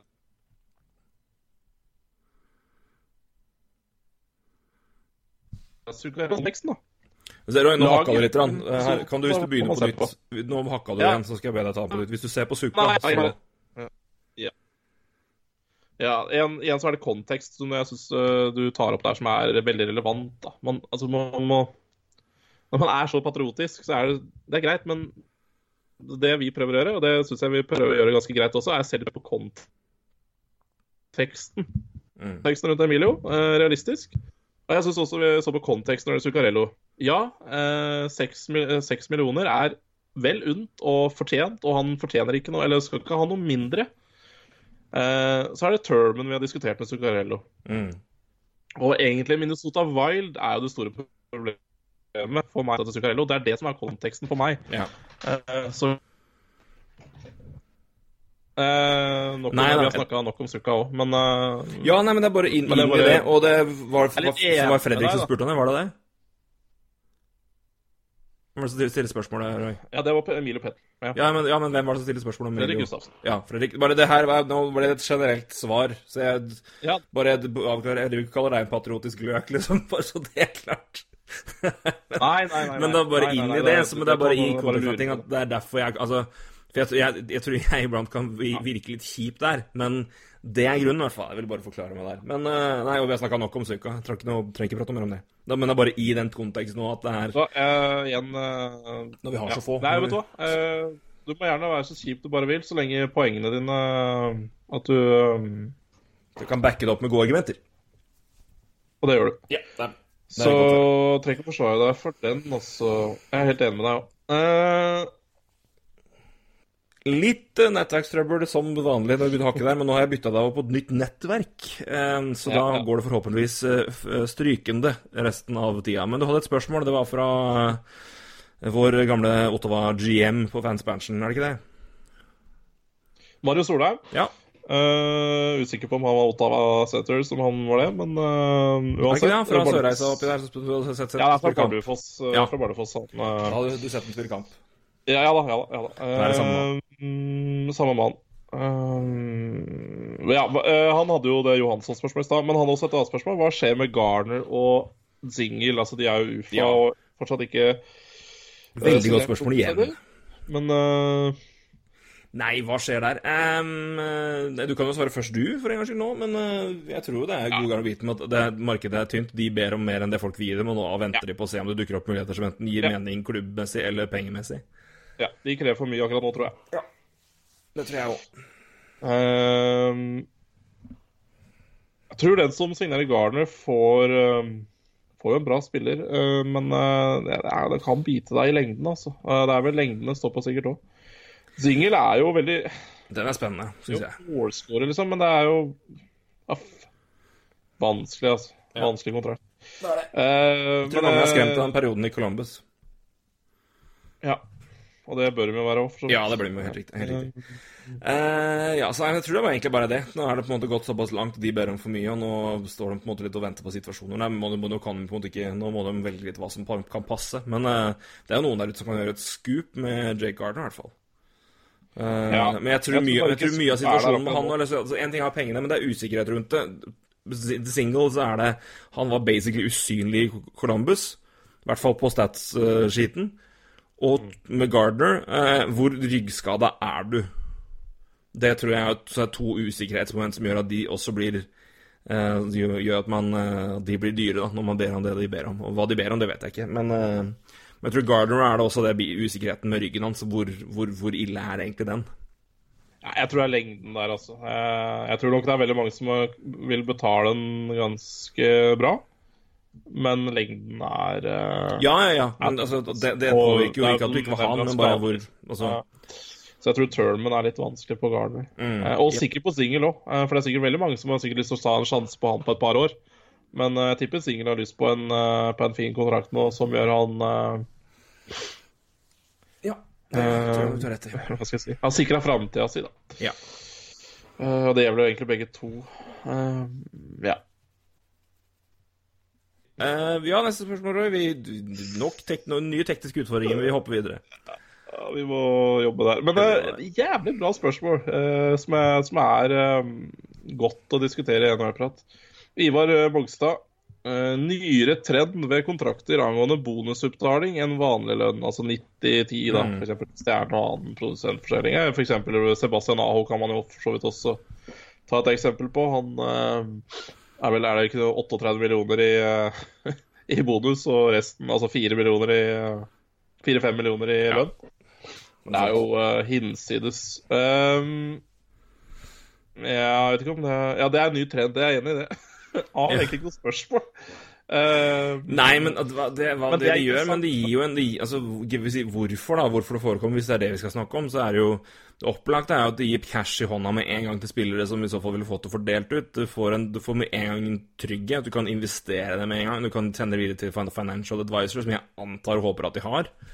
Uh, alle de gutta som tjener så mye penger. Så det, gir, det er jo en du, du får det jo med en gang, eh, og så kan du porsjonere ut og jobbe ut med det, men da har du i hvert fall en større grad av sikkerhet med en gang, når du får det, og så kan du ta penga, de kan jobbe for deg mye lenger, framfor at du setter av en, en bolke hver dag eller hver uke da, når du får cash, og jeg skjønner jo det, jeg skjønner jo, når jeg snakker om så mye penger, og du uansett har nok, så er det at de prefererer det, det skjønner jeg jo godt.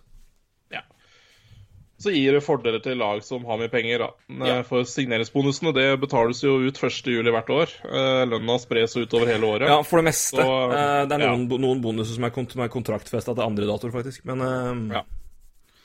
Men stort Men ja. sett 1. juli. Eh, Ja. Så det er klart, det er jo Det er jo fordel lag som har penger, det. Og egentlig også en ja, et argument i den Aho-offersitten. Men, eh, eh, men et godt poeng, da, eh, som selvfølgelig så, så signeringsbonusene har en god del å si, for det har jo Ivar Bogstad spør jo til slutt om lockout i 2021-2022, så går Suka på en real smell. Og det er helt korrekt, for han har mm. ingen signeringsbonus. Han har null i signeringsbonus i 2021-2022-sesongen, og det er klart, det her er, det her er wild.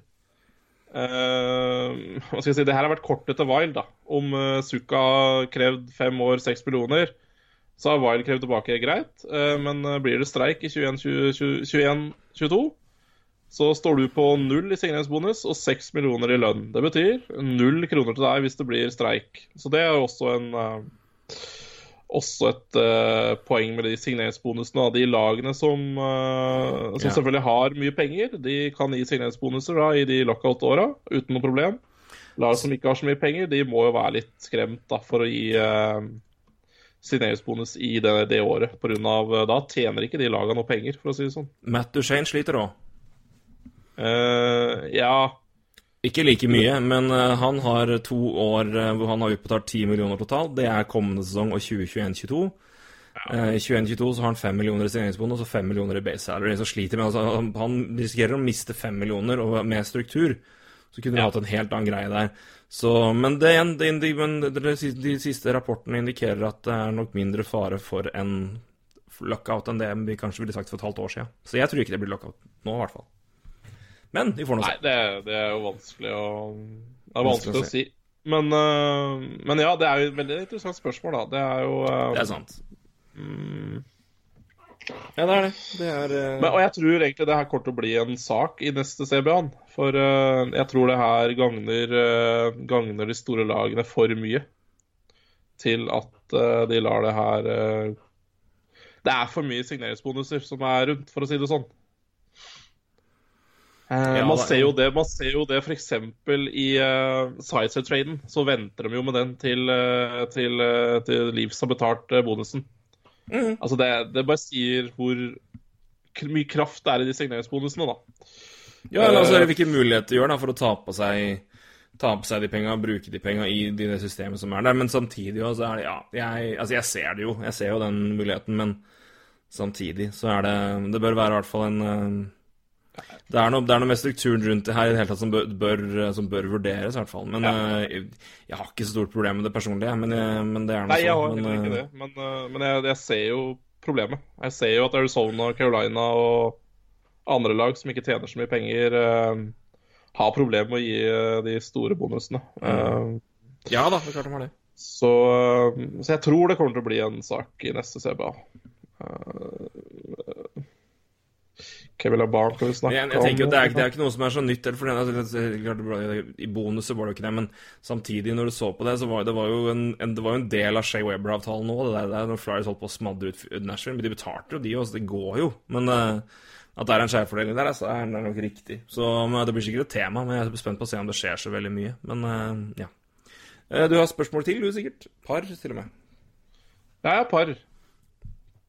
Jeg fikk melding av en kompis som håpa han hadde røkket å sende inn, så det tror jeg, det tror jeg han gjorde.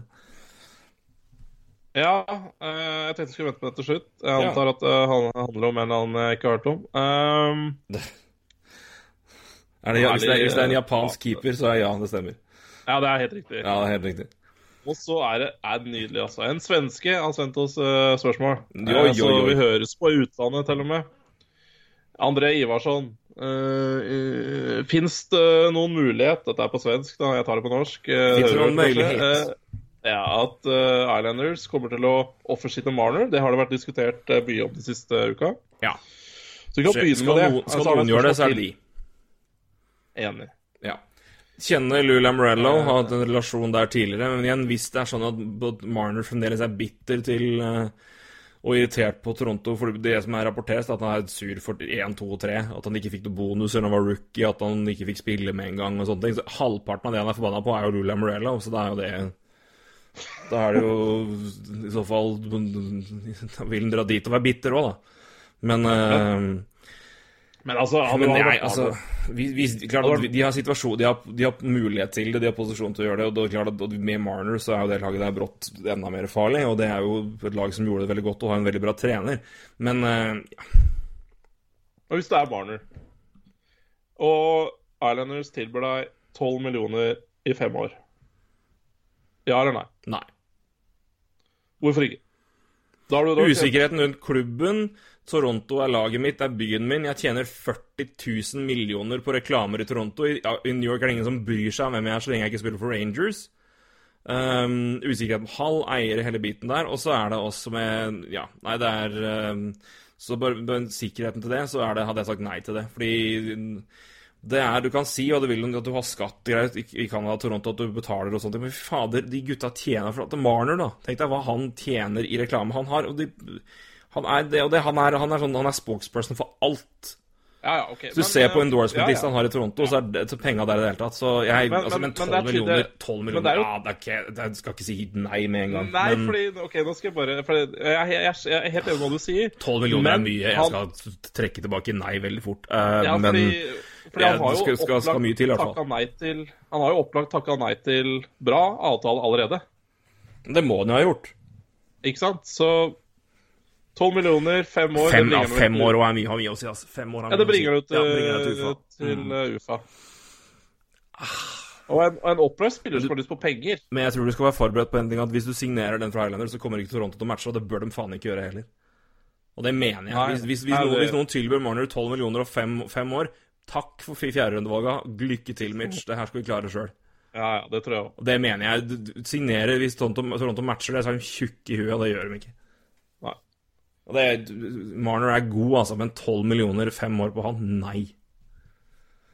Skal jeg velge én spiller å bygge lag rundt på det laget der, så er det Austin Matthews. Han tar jeg alle dager i uka foran Mitch Marner. Mitch Marner er strålende, med Austin Matthews er senter, skårer mer mål. Jeg mener han er en bedre spiller. Ja, ja. Så det er han verdt. Men uh, Ja. nei. Nope. Ja da. Um, jeg, ja. Nei, Marner er nydelig, han. Men, Men, men, uh, hvis jeg er Marner, tar jeg det. Ah, Det er fantastisk. Altså, jeg, nå, nå snakker jeg ikke for meg sjøl, men for Marner Han er tydeligvis fryktelig opptatt av at han skal tjene like mye som de tjener mest på laget. At han skal være altså, Ja. Fair play to him, altså. Men med det Om han tar det, det tror jeg nok kan Det er nok mulig. uh, siden det er noe som tydeligvis har vært en greie for han. da Og men det fascinerende der er å se det, se det løpet som agenten har kjørt, og som han har kjørt i alle andre tilfeller med tidligere, med tidligere spillere. Med eh, KHL-muligheter og, og sånne ting og alt det der. Det var jo samme agenten som Atana Sivu og et par andre spillere. ja. De har kjørt et løp nå hvor de mer eller mindre har backfire. Altså mindre, mindre, de prøvde på en måte å stille Toronto i et dårlig lys. Og det har smelt egentlig litt tilbake. Altså spør du Jeg tror majoriteten er mest irritert på Mitch Marner og agenten framfor irritert på Kyle Dubus. Ja, det Hvis du ser jeg på, er noe på tallet Nei, hvis du ser på tallet det snakkes om alle bare Men i all, all verden da, gutt, hvor mye skal du ha, liksom? Ja, nei, jeg, jeg han er i all posisjon til å gjøre det sjøl, men jeg tror uh, Ja. Han var gullgutten inntil juni i år. Jeg vet ikke om han er det ennå. Nei, han bør egentlig ikke være det. Nei. Men, nei, men altså, hvis de skal gjøre det altså, De er i posisjon til å kunne gjøre det, og det, det er absolutt verdt å undersøke for Islanders sin del, men uh, Da må du jo er- klarere noe capspace først, da. Men det har du jo tid Det, til. det jeg tror, da Eller, nei, det er, jeg vet ikke hva jeg tror, men Hvis Islanders var interessert i det, Så hadde det skjedd før de tok Anders så tror jeg de allerede har gjort det. Ja. Og Mara takka nei. For hvorfor vente? For cap-situasjonen i Toronto er jo, som vi har gått innom, den er som den er. Um, den blir verken Den er jo satt nå, egentlig.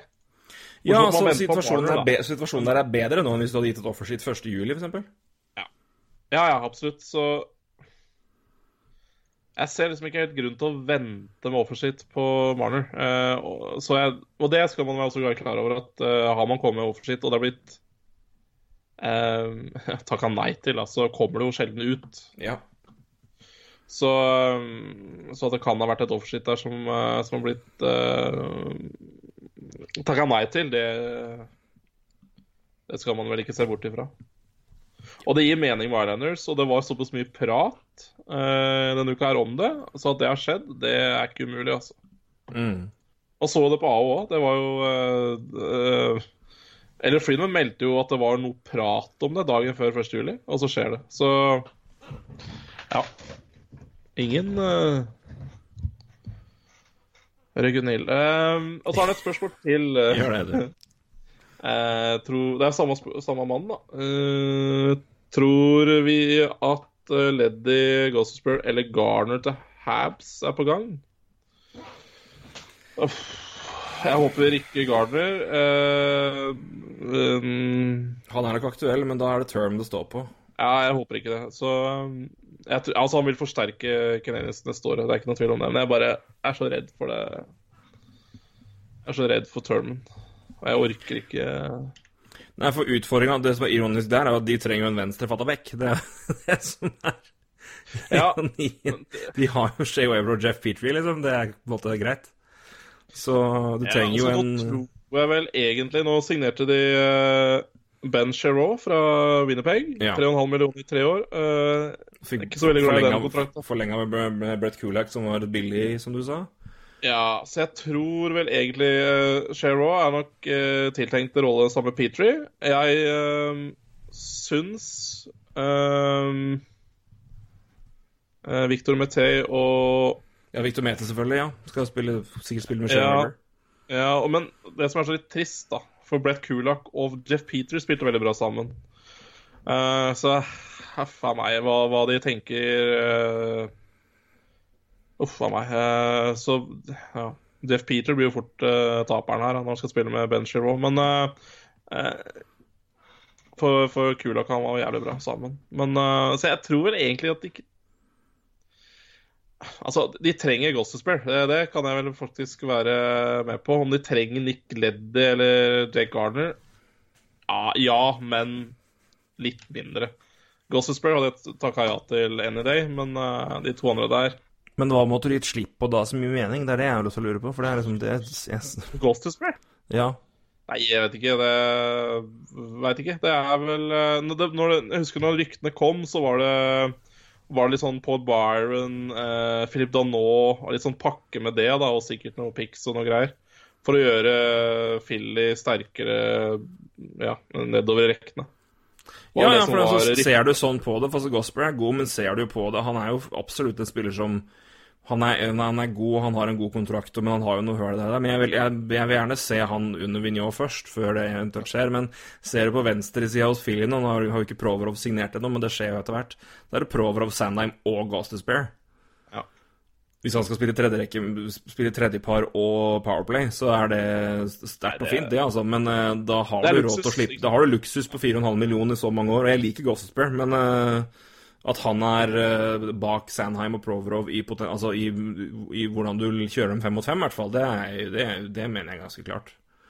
I hvert fall sånn Ja. han har spilt nå. Uh, så får vi se hvem han får i, og, og partner med, da. Men uh, Nei, men Gasper er god, det er ikke det, men, men i situasjonen og sånn, sånn, sånn de satser nå, så virker det han å være ja, i hvert fall et mulig mann som kan gi slipp på for å få, eh, for å få assets andre veien, da, som gir, eller offensivt, som hjelper litt mer der. Men eh, Ja, jeg, Det er spennende. Jeg syns jo, jo de ryktene om ja, type Byron, Danot, litt sånne ting, eh, til Philly og spørre denne veien, gir litt mening for begge lag. da. Altså, ja, ikke så mye litt- nå når de, når de fikk Kevin Hayes, så syns jeg det var da, For da har du det på det senterbehovet litt mindre.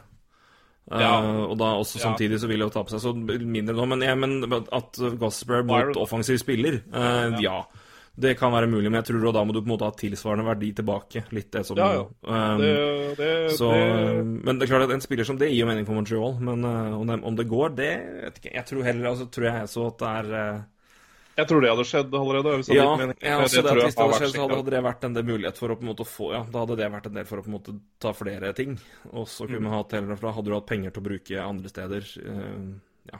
Men vi får se. Det, jeg tror fortsatt det er aktuelt. altså. Gossespear, eh, Montreal ja, jeg tror jeg Gossesper Gosper kommer til å høre snakk om lenge, i hvert fall, tror jeg. Så det Ja. Men jeg, jeg tror det hadde skjedd, hadde skjedd før, det, hvis det skulle skje. Ja, kanskje. Men uh, vi får se. Uh, Leddy og Gardner det tror jeg absolutt er spillere de uh, skulle hjertelig likt å hatt. Men jeg, jeg, jeg, personlig håper jo ikke det, da. Men uh, hva jeg håper, det Hjelper lite. Ja, gjør det. Siste spørsmål, da. Magnus Øby. Hva mener Bakke om Yutaka Fukufuji, som sto for Kings før? Det er jo et jævlig eh, Jeg vet ikke. eh, Skal, vi, skal, skal jeg Det er ikke et jeg spørsmål. gi, Nei, det er ikke det. Men skal jeg gi ba- ba- bakgrunnshistorien her, da. ja. Uh, jeg og Magnus og en til uh, venn av oss som har uh, har NHL-interesse, i hvert fall. Eh, de, de, begynte, de begynte å quize med bare å sende altså screen, Tok screenshot av utvalgte deler av eh, en, eh, en spillerhistorikk på Elite Prospects. OK. Og altså, hvem er det her, da? Og da ser du f.eks. karrieren fra 20, 2005 til 2012. Ja. Klubber og poeng, og altså, hvem er det her, da? Ja. Uh, og det måtte altså en japansk keeper med fire NHL-kamper til før, klarte, før han klarte å sette meg, eller sette meg på spørsmål jeg ikke klarte. Så eh, jeg, jeg, mener, jeg mener ikke så mye om han, men jeg kan med stolthet si at jeg mener mye om min evne til å kjenne igjen spillere basert på statistikk, og hvor de har spilt. For det måtte altså en japaner med sagt fire kamper for Kings i 2006 og 2007 til for at jeg ikke skulle klare det. Klare det. Så Ja, nei, det er jo Det er jo Ja. Så når du først stiller deg spørsmålet der, Øvervi, så skal, du, skal jeg fader meg bruke det for å gni inn hvor flink jeg var i det spillet der. Så Det gjorde du, det gjorde du jo. ja, absolutt. Eh, Det er ikke, ikke noe, det er ikke noe falsk beskjedenhet her. Det var, det var rett og slett god. Nei. Så det er bakgrunnen Det- for det det- spørsmålet der. Han mener jeg ikke stort om, gitt, men eh, det er jo freskt å ha en eh, Kan jo for øvrig at den japanske keeperen hadde fire kamper og 83,7 i red- i red- i redningsprosent. Så særlig vellykka var det ikke. Her er en liten lignende historie, eller egentlig ikke, men det er litt artig likevel. Fordi det gikk en sånn greie på Twitter om at du skulle Du tar eh, årstallet du er født, og så plusser du på 18, fordi det er draftåret. Så for meg, da, som er født i 1982, så blir da draftåret mitt 2000. Så skal jeg da ta datoen jeg er født, eh, som da blir valget, og hvem er jeg da? Så da blir det 9. valget 2000, og det ble en målvakt ved navn Brent K Kran. Ja, Brent Kran, ja. Er det, er det, er det, er det Flames? Flames? Spilt tre kamper. Ja. Jeg husker at han er Flames, skjønner du. Det er helt jævlig. Så det, han ble jeg. Så hvis du har noe, hvis du har noe verre på bursdagen din, eller fødselsdatoen din, eh, send det på oss. Ja, det er godt. Det, det er interessant. Hva faen var det jeg Da blir det meg, da. Det blir altså 2006. NHL Draft 2006. Jeg tror ikke det her Det var jo, det var jo Jeg tror ikke det er krutt her heller, skjønner du.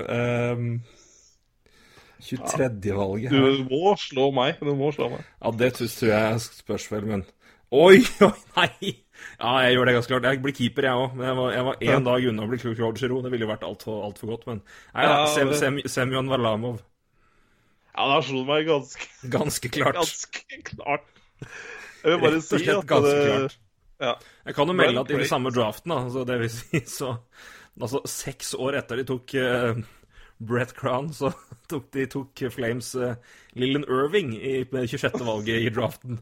Så det, Flames og keepere i første runde, det er ganske laber historikk. eh, I hvert fall hvis du kjenner din draft-historikk. Det er jo eh, Jeg kan jo melde det at Martin Brodeur var keep, andre keeper tatt i eh, draften da han gikk, i slutten av første runde.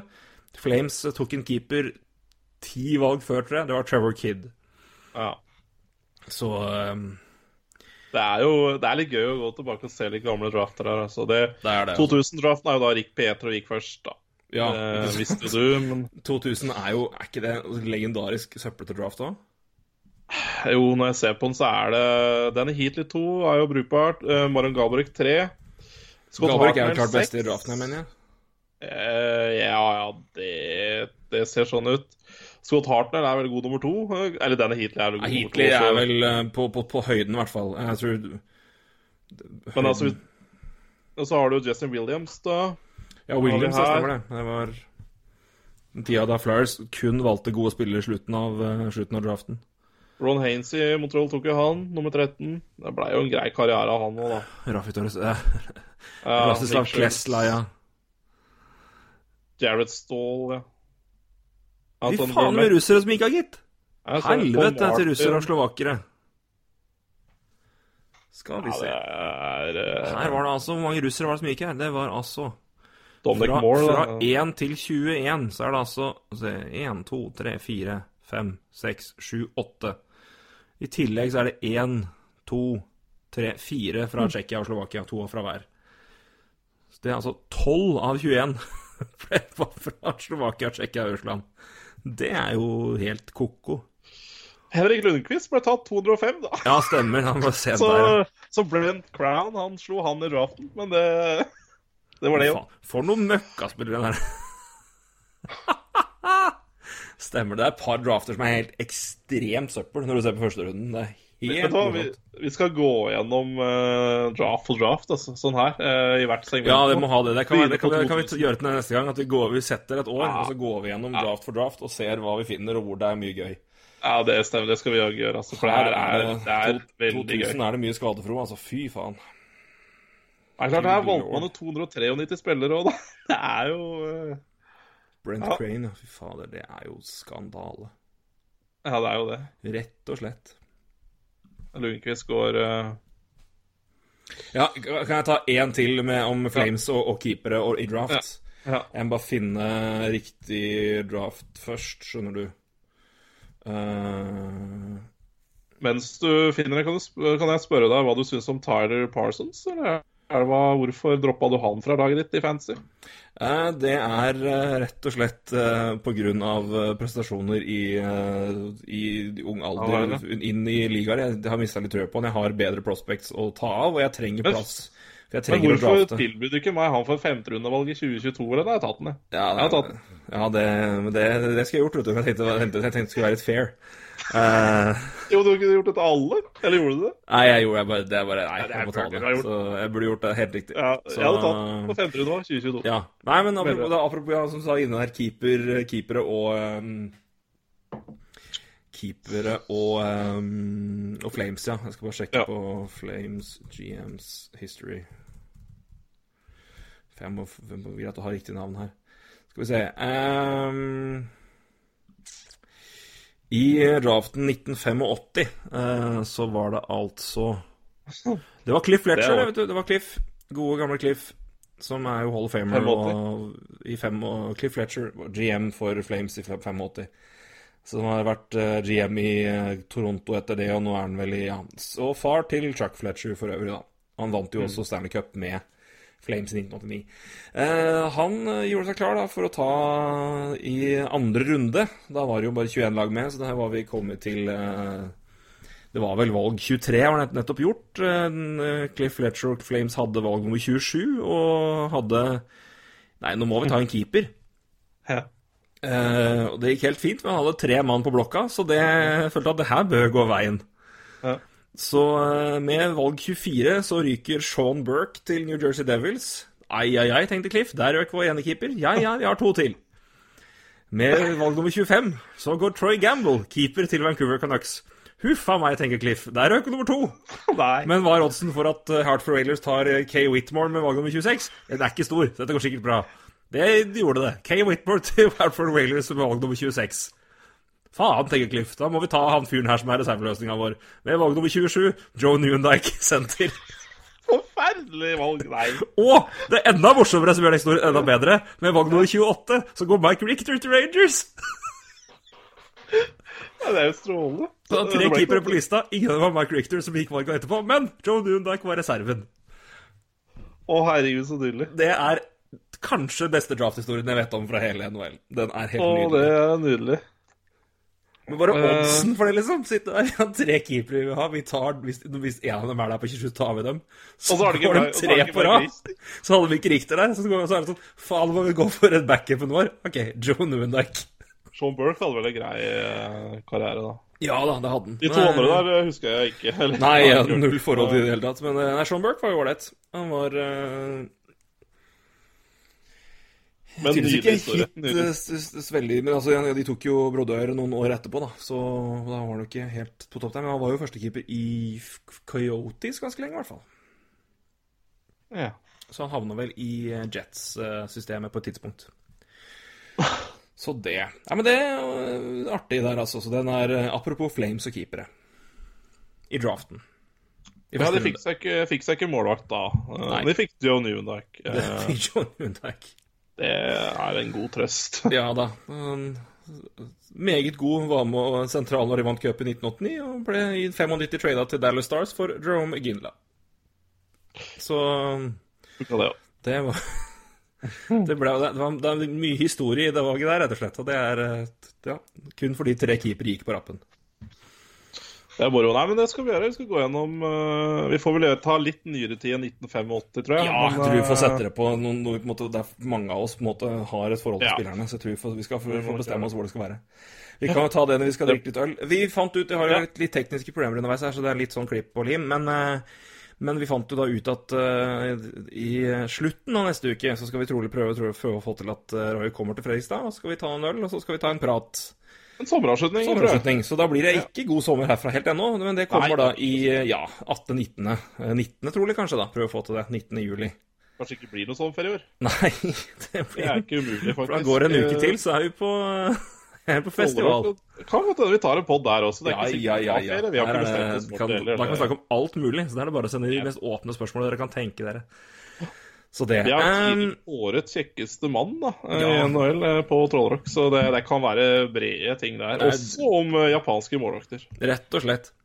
Så, så det. Uh, Jeg har lova klipp fra de som har sendt inn om hvordan de begynte å holde med lag. Det skal vi runde av med. Jeg skal uh, ta inn det separat nå, så, men uh, Så vi takker for oss nå, og så skal dere få fire gode historier om hvordan man blir fan av et NHL-lag fra fire forskjellige karer med NHL-interesse. Så det blir punktum nå, men for eh, live-delen vår i hvert fall, så sier vi takk for nå. Så takk, eh, takk for praten, Roy. Eh, selv takk. Og tålmodigheten under de tekniske problemer, men det har vi nå fått, fått orden på. Ja, det passer, det. passer greit. Tror det går bra, det. Det er mulig vi må kjøre en Patron her for å, noe sånn støtte meg for å få bedre nett på deg, altså. Det, Ja da, det er helt riktig, men det, det skal, det skal få ordnet over sommeren. Jeg skal i hvert fall få gitt beskjed til, til min landlord at det er fint hvis jeg får oppgradert. Jeg skal, jeg skal betale sjøl. høres ut som Så en god vurdering. Det tror jeg det, det må til. Det, det burde skjedd for to uker siden minst. Eller det burde skjedd for før det òg, men uh, ja. Landscap. Sånn er det. Sånn er det. Takk for laget, i hvert fall. Takk Så, eh, men da meldes vi, og så ses vi jo forhåpentligvis om en halvannen ukes tid. Ja, det gjør vi. Det gjør vi, rett og slett. Det gjør vi rett og slett. Hei, du. Som sagt så skal vi runde av med litt historier her nå. For, eh, for en stund siden så spurte jeg jo dere om hvorfor dere valgte de favorittlagene dere har. Og om det er noen spesielle historier der. Og jeg har fått fire svar på e-post. Eh, Vi skal begynne med en historie fra Tom André Sjøli, som eh, valgte et lag som eh, nylig hadde en eh, norsk stjernespiller, men eh, ikke nå lenger. Hei, alle sammen. Mitt navn er Tom André Sjøli, og mitt lag er altså Dallas Stars. Min fascinasjon for NHL eh, begynte å blomstre på slutten av 90-tallet via norske og svenske prohockey. Eh, Tekst-TV var en viktig kilde da, til å få med seg siste nytt. Og ikke minst NHL-spill på PlayStation, som var en stor hit blant meg og mine. Eh, Da var det jo en fantastisk tid, da. Med Ed Belfur bak der. Vi hadde Hatcher, eh, Sergej Zubov og store stjerna vår eh, Mike Modano. Eh, Lagenbrune Nivendike. Og eh, Letin, da, som var også fantastisk. Eh, og vi hadde jo Brett Hull også, faktisk. Eh, Kanskje ikke mest kjent for tida si Dallas, men dette da førte jo til et Stanley Cup-trofé. Etterpå så har jeg fulgt laget mitt i eh, tykt og tynt. Og så har vel kanskje de grønne prestert mest tynt. Ehm, Men jeg aner jo da en liten eh, form av optimisme om dagen, hvor, hvor det begynner å skje ting igjen, da. For mange av oss så er det laget som kommer først, og favorittspilleren kommer deretter. Men iblant er det motsatt. Vi finner en favorittspiller, og den bestemmer hvilket lag som blir favorittlaget vårt.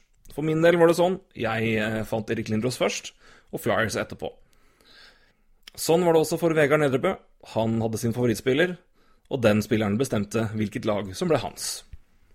Hei, jeg heter Vegard Nedrebø og er en av det som iallfall føles som veldig få norske San Jose Sharks-fans. Jeg er en ganske fersk NHL-fan som begynte å følge ligaen i 2017 fordi jeg skulle til Canada på kamp mellom Ottawa og Buffalo våren 2018.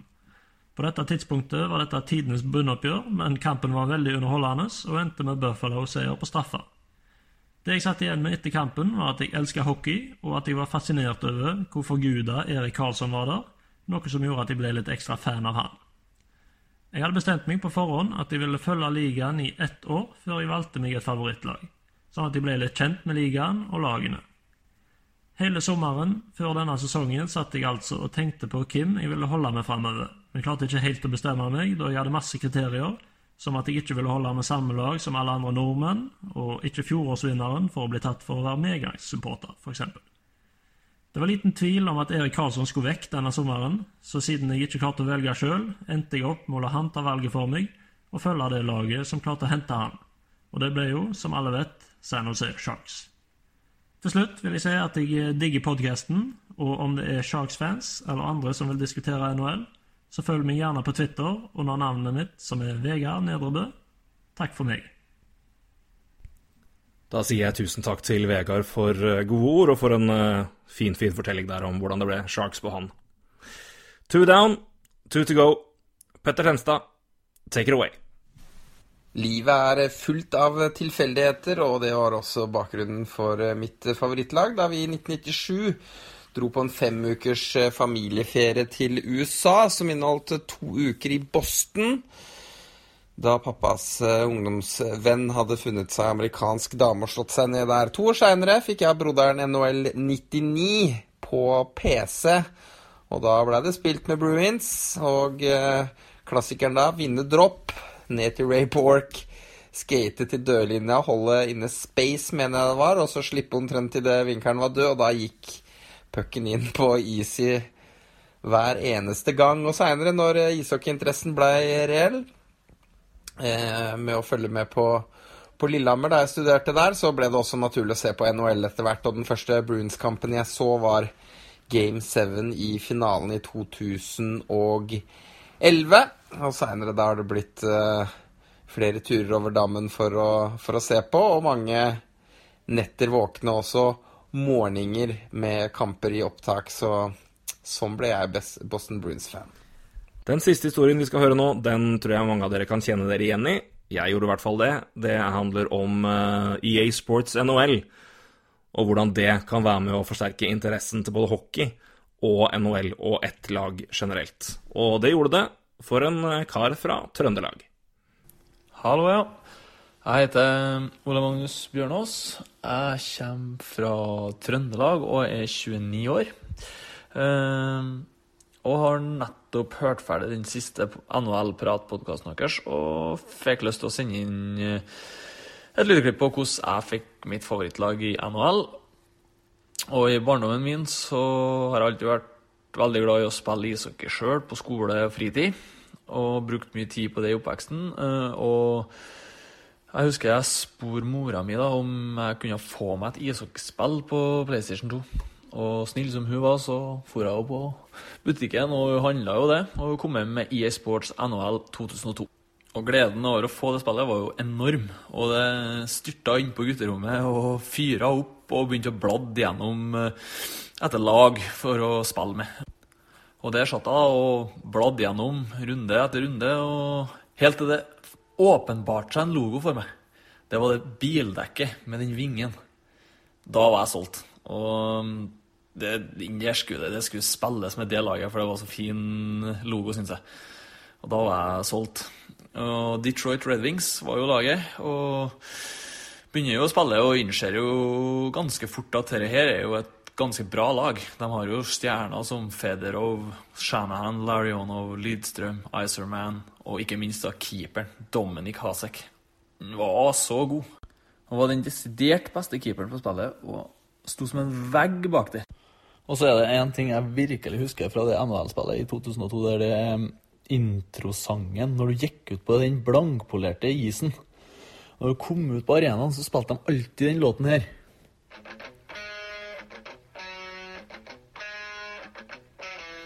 Sum 41 med Fatlip, og det bringer fram så mye barndomsminner. Og den sånn sanger, de sangene, soundtrackene i det spillet det, det går igjen i mine spillelister i den dag i dag. Og det er jævlig komisk. Så der har dere det. Den historia mi om hvordan jeg ble Detroit Red Wings-fan. Takk for meg. Jeg kan jo bare avsløre nå at uh, både soundtracket til NHL 2002 og 2003 ligger inne som playlists i min Spotify. Så det er ikke bare NHL-interessen som har blitt eh, bygd der. Også fått noen eh, gode favorittlåter og funnet noen band. Så det Man lærer mye av NHL, rett og slett. Tusen takk til alle fire som har sendt inn. Det var en glede for meg å høre det. Håper dere andre har likt det også. Så uh, hvis dere har lyst til å gjøre det, dere også, fortelle hvordan dere fant deres lag, ta opp et klipp, send det til meg på e-post torgrimbakke i ett ord at gmail.com. Så er vi uh, tilbake om en ukes tid. Takk for nå.